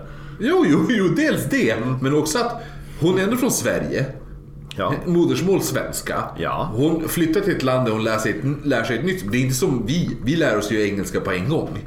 Det här gjorde man inte det. Nej, nej. Så hon måste flytta dit och lära sig engelska. Hon, lärde sig, hon hade svenska, lärde sig engelska flytande och ett tredje språk. Hon, är, hon är ju bättre än mig. Hon är bright, får man ju ge henne. Ja, precis. Och hon var egenföretagare som liksom café.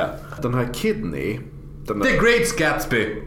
Där, nu Ja, okej, okej. kom jag på det. Ja, just det. Ja, ja. Ja, Eh, Som vi nämnde så bodde hon ju till och från hos den här hamnarbetaren Michael Kidney. Och deras ganska våldsamma on and off relation fortsatte ända fram till eh, den 26 september då, 1888.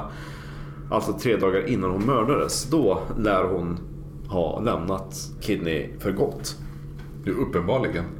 Alltså jo. Väldigt kul formulering. Jo men eh, hon sa i alla fall att hon hade, ja I'm, I'm through.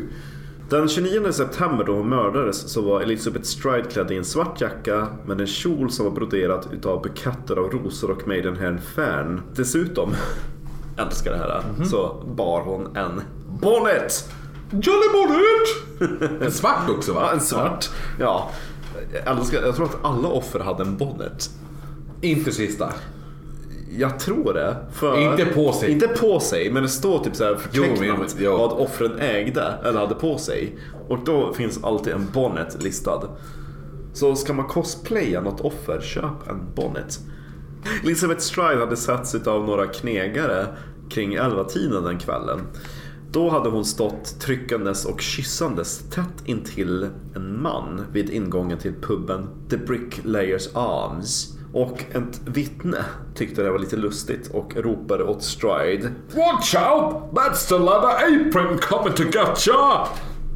Och det här var jättekul tyckte de där vittnena för eh, Leather Apron var ett utav de här namnen som man hade gett Jack the Ripper. Och eh, Men, och det är typ tusen gånger coolare än Jack the Ripper. Fatta om, om, om Jack the Ripper istället hade he- hetat The Leather Apron.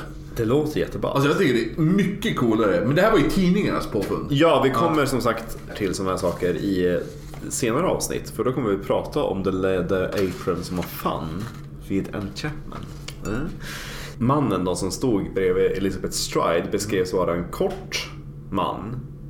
Begåvad med en kraftig mustasch, plumstobshatt eller en bild...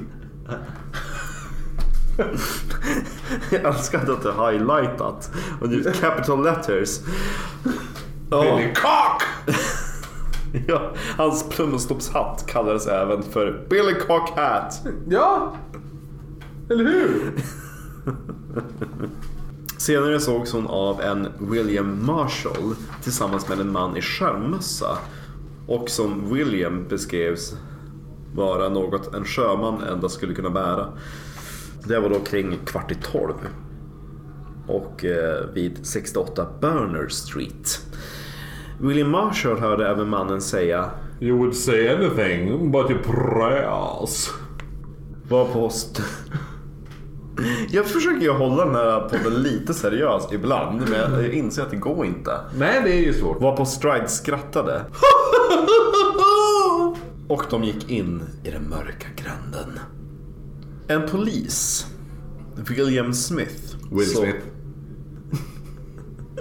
såg Elizabeth Stride 25 i 1 utanför, utanför The International Working Men's Educational Club. Dummaste namnet ever. Vilket, vilket, vilken mouthful. Ja. Och hon var i sällskap med en man klädd i en heartfelt hat. Stereotypisk typ gangsterhatt har du skrivit. Ja, jo, alltså så här lite... ehm, Jag man tänker så här... Eh, 30-tals gang så här bara Hey what you doing over there? Well I'm doing ain't doing nothing Well I don't keep you from doing this and then I put a gun in your head. Väldigt Ja. Al Capone. ah, precis. Ja, jo. Och förutom gangsterhatten så bar den här gubben på ett 45 cm långt paket. Älskar att Will Smith hade världens bästa ögonmått. Han bara, det var 45 centimeters. No more, no less. No give or take. 45 centimeters it was. Han var, det, jo men det är så här penis envy. För vem har inte velat bära på ett 45 cm långt paket? Jaha, gud. Du tänker att det var kuken? Ja. Det var därför Stride gick med den där... Ja. ja. Åh. William Smith beskrev i alla fall mannen som respektabel. Samt att kvinnan hade en blommig bukett broderad på jackan. Ja. Och det, det stämmer Vad, som du sa Ja, tidigare. ja, precis. Det stämmer Ja. överens med vad vi sa att Stride hade på sig den Yes. natten. Ett av de mest intressanta vittnesmålen däremot kom från en man som faktiskt inte kunde engelska. En man vid namn Israel Schwartz. Schwarz! Nej! Oj. Schwartz berättade senare genom tolk att när han passerade genom Burner Street klockan kvart i ett såg han en kvinna stå och prata med en man lite längre fram längs gatan. Den här mannen försökte slita med sig kvinnan men då hon gjorde motstånd högg han tag i henne och vräkte ned henne på trottoaren. Hon skrek tre gånger men inte särskilt högt. Schwartz gick över gatan för att undvika konfrontationen. Han trodde först att det var ett par som grälade. Då fick han syn på en andra man som stod och tände sin pipa. Den här första mannen som anfallit kvinnan ropade då mot Schwartz. Let's! Var på den här mannen som rökte pipa började följa efter honom. Schwartz greps utav panik och sprang därifrån. Eh, lite senare så kom Schwartz att identifiera Strides kropp som den kvinna som han hade sett den natten. Oh yeah. Mannen som hade attackerat Stride beskrev Schwartz vara 165 cm lång. Hade mörkt hår och en liten mörk mustasch samt en skärmmössa. Dock valde polisen att inte ta med Schwarz vittnesmål i rapporten men mer om de här två männen lite senare. Alltså i typ nästa avsnitt. Näst, nästa. Ja. Ja, vi ser väl. Och man har funderat på varför de inte tog med det här vittnesmålet. Och eh, som du har skrivit så kan det bero på att, att ordet Lipski, eller namnet Lipski, vara- kan ha, ha försökt späda på de här grejerna på att det ska ha varit en judisk mördare. Men ordet Lipski, det är det är ju ett namn. Och där såg jag i en dokumentär att Lipski hade varit en mördare. En judisk mördare. Typ ett par år innan Jack the Ripper. Som hade blivit ett skällsord för judar. Precis.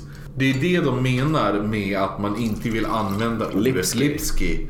För att det spär på idén om att det är en judisk mördare som gör det här. Ja. Efter eh, att Schwarz hade sett Elizabeth Stride blev anfallen så var det inte kort därpå som hon faktiskt slutligen blev mördad.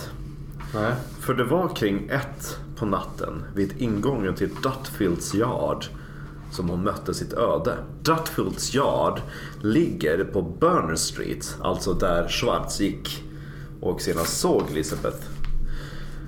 Från vad man senare hade kunnat utläsa så hade hennes mördare huggit tag i Elizabeths scarf, dragit henne till sig och skurit upp hennes hals från vänster till höger. Precis som tidigare. Callback!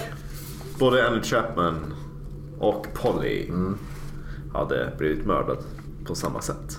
Man uppskattar att Elizabeth Stride blödde till döds inom en och en halv minut.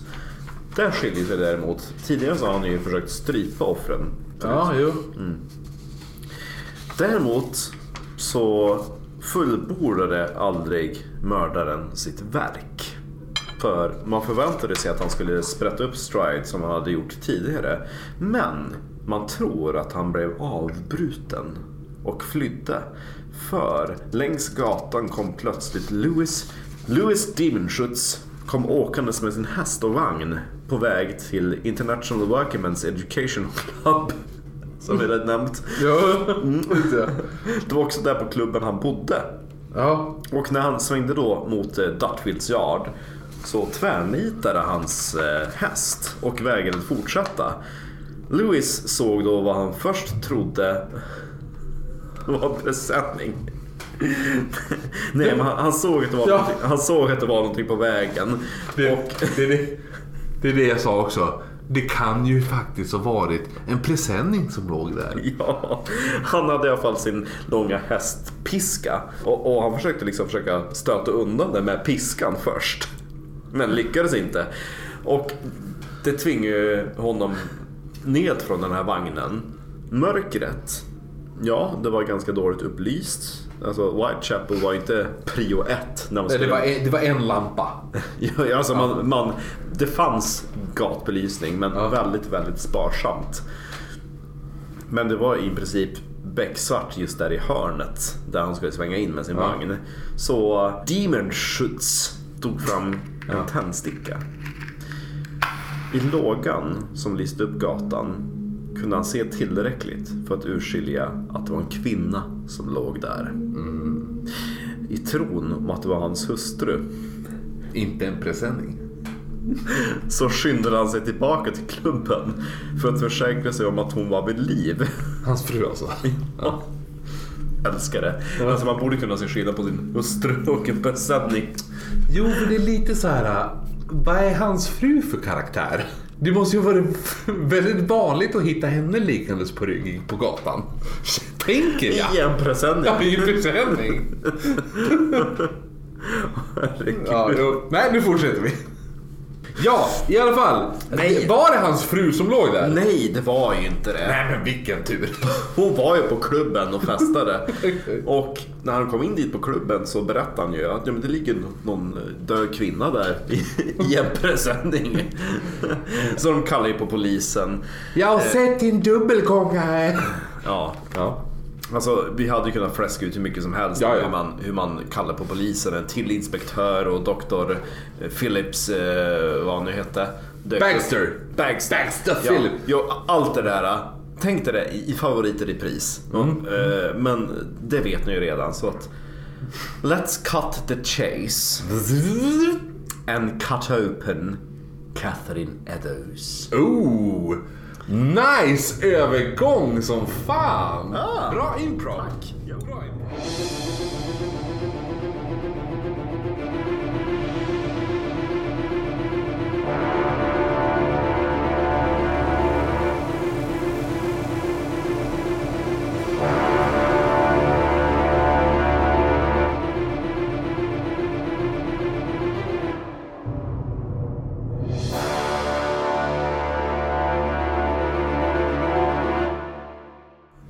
Catherine Eddowes. Eller som hon också kallas Kate Conway. Eller Kate Kelly.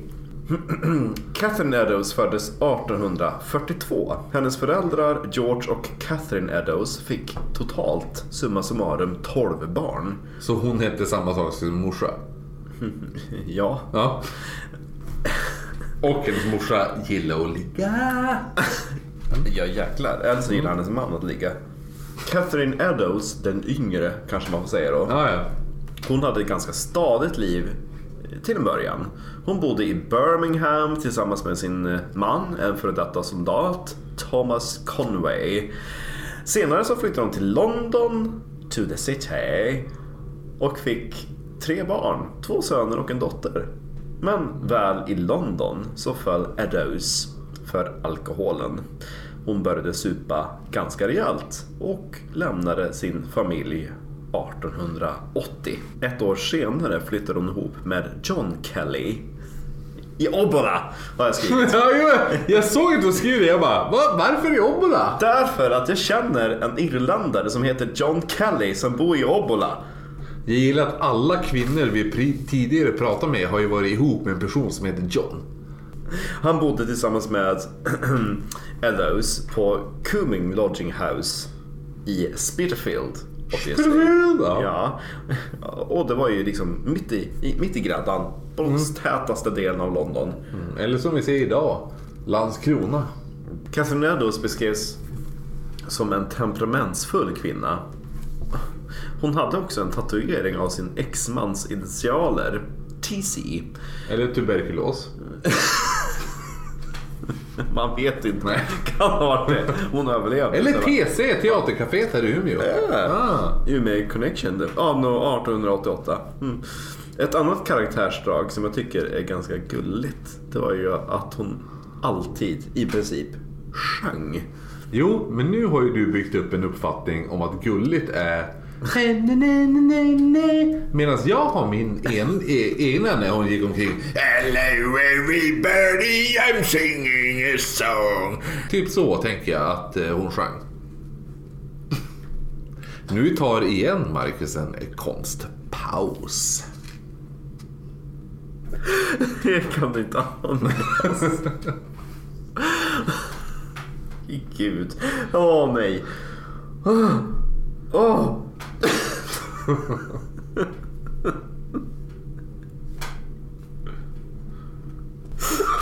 Från att vara typ så här gulliga kvinnan på puben som satt och sjöng i ett hörn.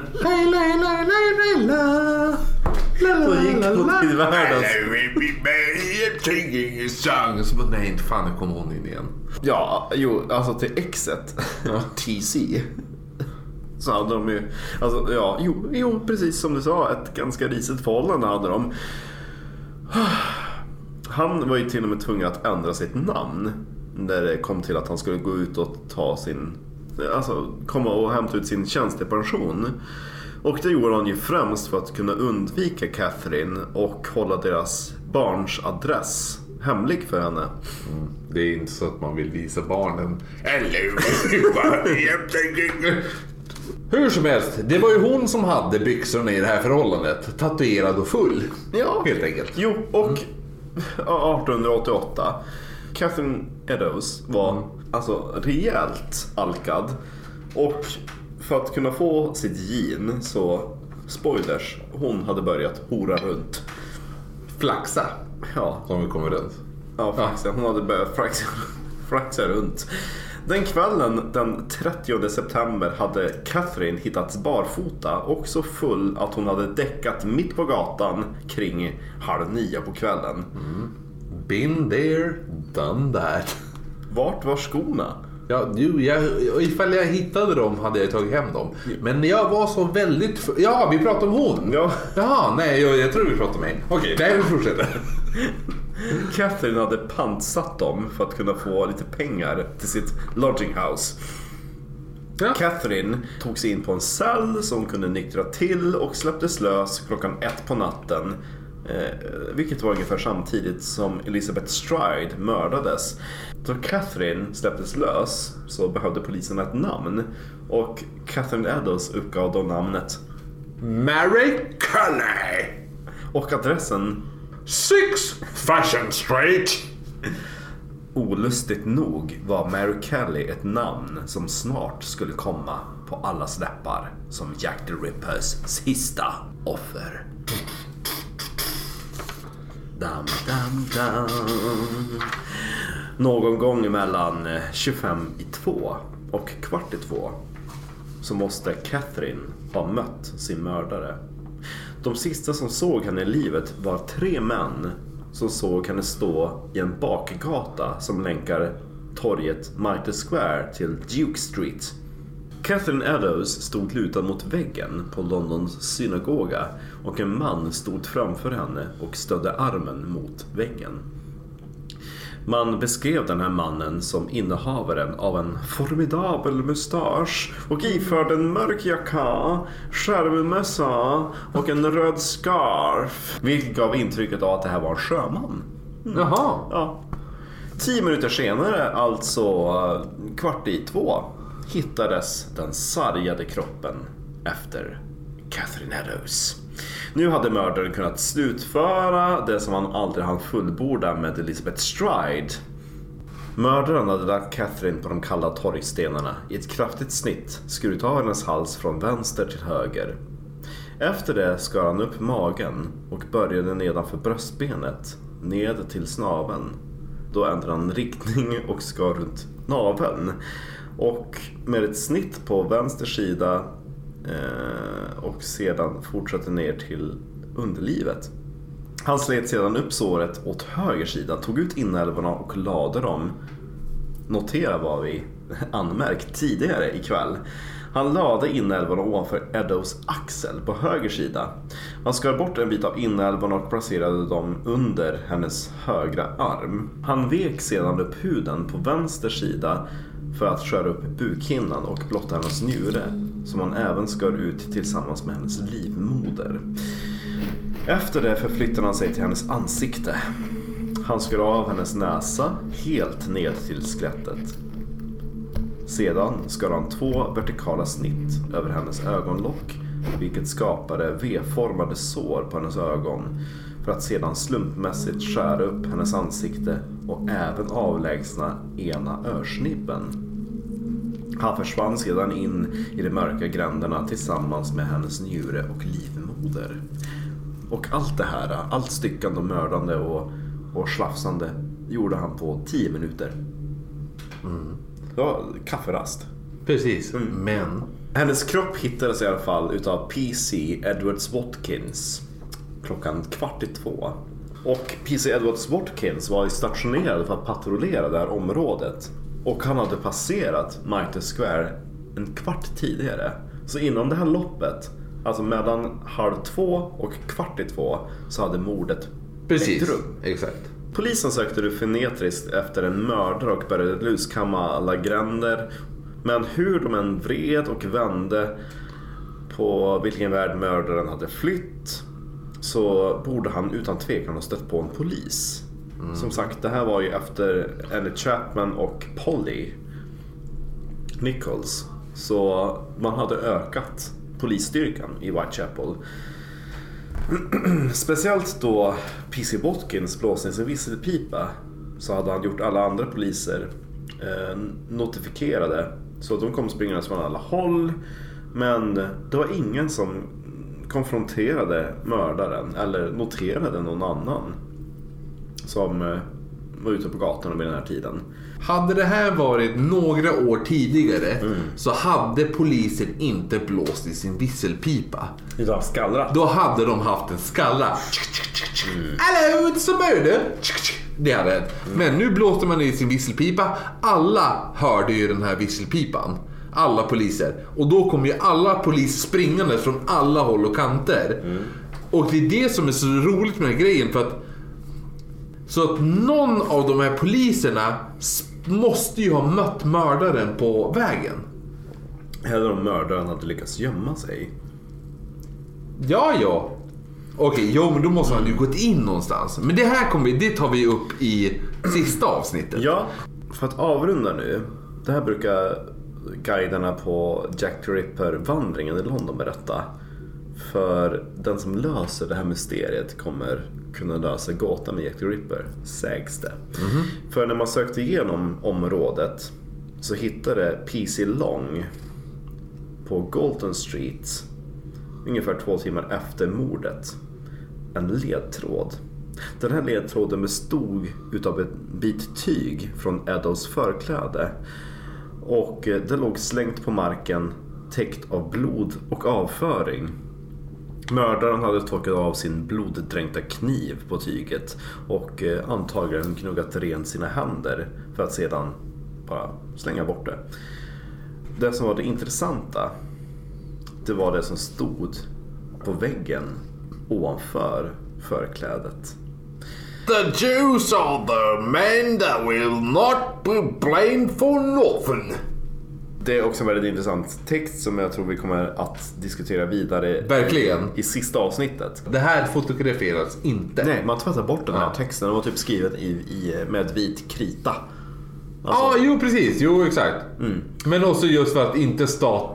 Det var ju lite, de tog ju bort det för att inte starta en hatstorm Ja. mot eh, judar på den här tiden. För de var, de, var, de var utsatta på den här tiden. ja, alla de här mordoffren var några utav de tidigaste offren att fotograferas. Faktiskt. För kameran var så pass ny så det var inte per automatik att man alltid fotograferade mordoffren. Men alla Jack the Rippers fem offer blev fotograferade efter sin död. Och på den här tiden så fotograferar man med ganska klumpiga kameror. Och eh, Fotografer tror jag skulle säga. filmrullarna var egentligen inte film utan det var ju glasplåtar. Ja. Och eftersom kameran var så otymplig så behövde man ju dels bra ljus för att kunna fotografera ute i okontrollerade miljöer såsom ja, men där man hittade den här scarfen och, och texten. Och de här kamerorna, det var liksom inte så att du gick runt med den som en, en vad ska säga, digital kamera och, och vinkla runt den hur som helst. Utan de, de var ju ganska stora, klumpiga och tunga. Det var inte selfie-kameran nummer Nej, ett. nej, nej, nej. Så att på de flesta offer så ligger ju de ner på, på en bår. Men det var det här jag ville komma till. Vi har skrivit ut bilderna, Vi kommer lägga upp de här bilderna också. fotografierna från alla obduktioner utav offren. Och när man hade hittat Catherine Eddowes och började inse att ah, vi har en seriemördare att handskas med. Då började man ju lägga lite mer krut på offren. Och Polly och Annie, de fotograferades typ liggandes och inte särskilt väl. Men när man skulle fotografera Catherine Eddowes då ville man få en, en, en bra bild utav hela hennes kropp med skadorna. Och tänk dig om hon låg här på bordet och så har vi en kamera på ett stativ. Och du kan inte vinkla den kameran för den är ju som sagt skittung och, och otymplig och otålig. Så de var tvungna att flytta kroppen istället. Jaha, va? Är det så? Ja, och kroppen. stört. Det finns två fotografier av Catherine Eddowes ståendes. Man stöter upp henne bakifrån med hjälp av en, en kvast. Ah. Alltså, det är så här lite småmakabert och tragiskt hur man behandlade de här kropparna på den tiden. För fotografiet av Catherine Eddowes är ju gjort efter hennes obduktion. Då man har tagit alla anteckningar man behöver, man har sytt ihop hennes eh, sår och eh, ja, stöttat upp henne mot en kvast. Precis, men som sagt, det står ju nu alltså klart inför nästa avsnitt. Polisen är ju övertygad. Det är en seriemördare i Whitechapel. Och han kommer att hinna med ett mord till. Vilket som skulle bli hans mest bestialiska mord innan han helt spårlöst försvinner in i Whitechapel.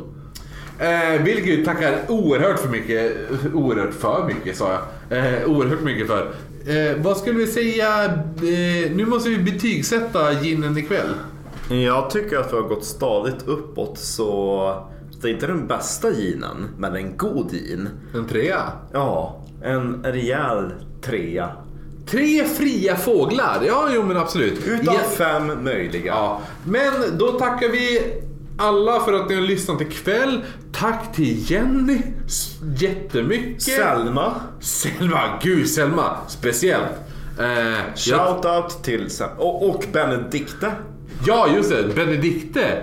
Det är ju faktiskt våran eh, kvällens bartender för oss. Ja. Eh, här på, på Lottas krog här i Umeå. Ja, men gå på Lottas då. Vi ska tacka Jenny, Selma, eh, Annie Chapman höll jag på att säga. Ann, alltså, ja, men anledningen varför vi ringde till Jenny är ju din syster. Så att eh, shoutout till dig också. Det är jättekul, alltihopa. Jag är så jävla glad, jag blir så jävla nöjd. Jag önskar att vi bodde i Skåne. Jag önskar att vi får köra livepodd i Skåne. Eh, men... Eh, Vi syns nästa vecka. tredje avsnittet. Men det, det man kan göra under tiden, nu finns vi på Twitter också uppenbarligen. Gör vi? För det fixade jag. Eh, inte för att jag gör så mycket där. Men eh, vill man inte, vill man inte vara med oss, nej men vill man hitta oss på sociala medier då är det oknyttpodd på Instagram, 1D inom parentes. Eh, shoutout till dig. Eh, Nej. Ja. Ja. Eh, vill ni eh, berätta en historia eller vad som helst, maila oss på uh, oknyttpodd.gmail.com Ehm, Facebook, bara oknytt. Annars är det inte så mycket mer va? Nej. Eh, vill ni sponsra oss? Så Vill ni ge oss pengar? Ja! Eh, Tackar vi ja! För det här avsnittet, nu när jag kollar på datorn, så är vi uppe i 3.40. Och vill ni få tillgång till allt det här roliga som vi inte släpper ut på typ Acast.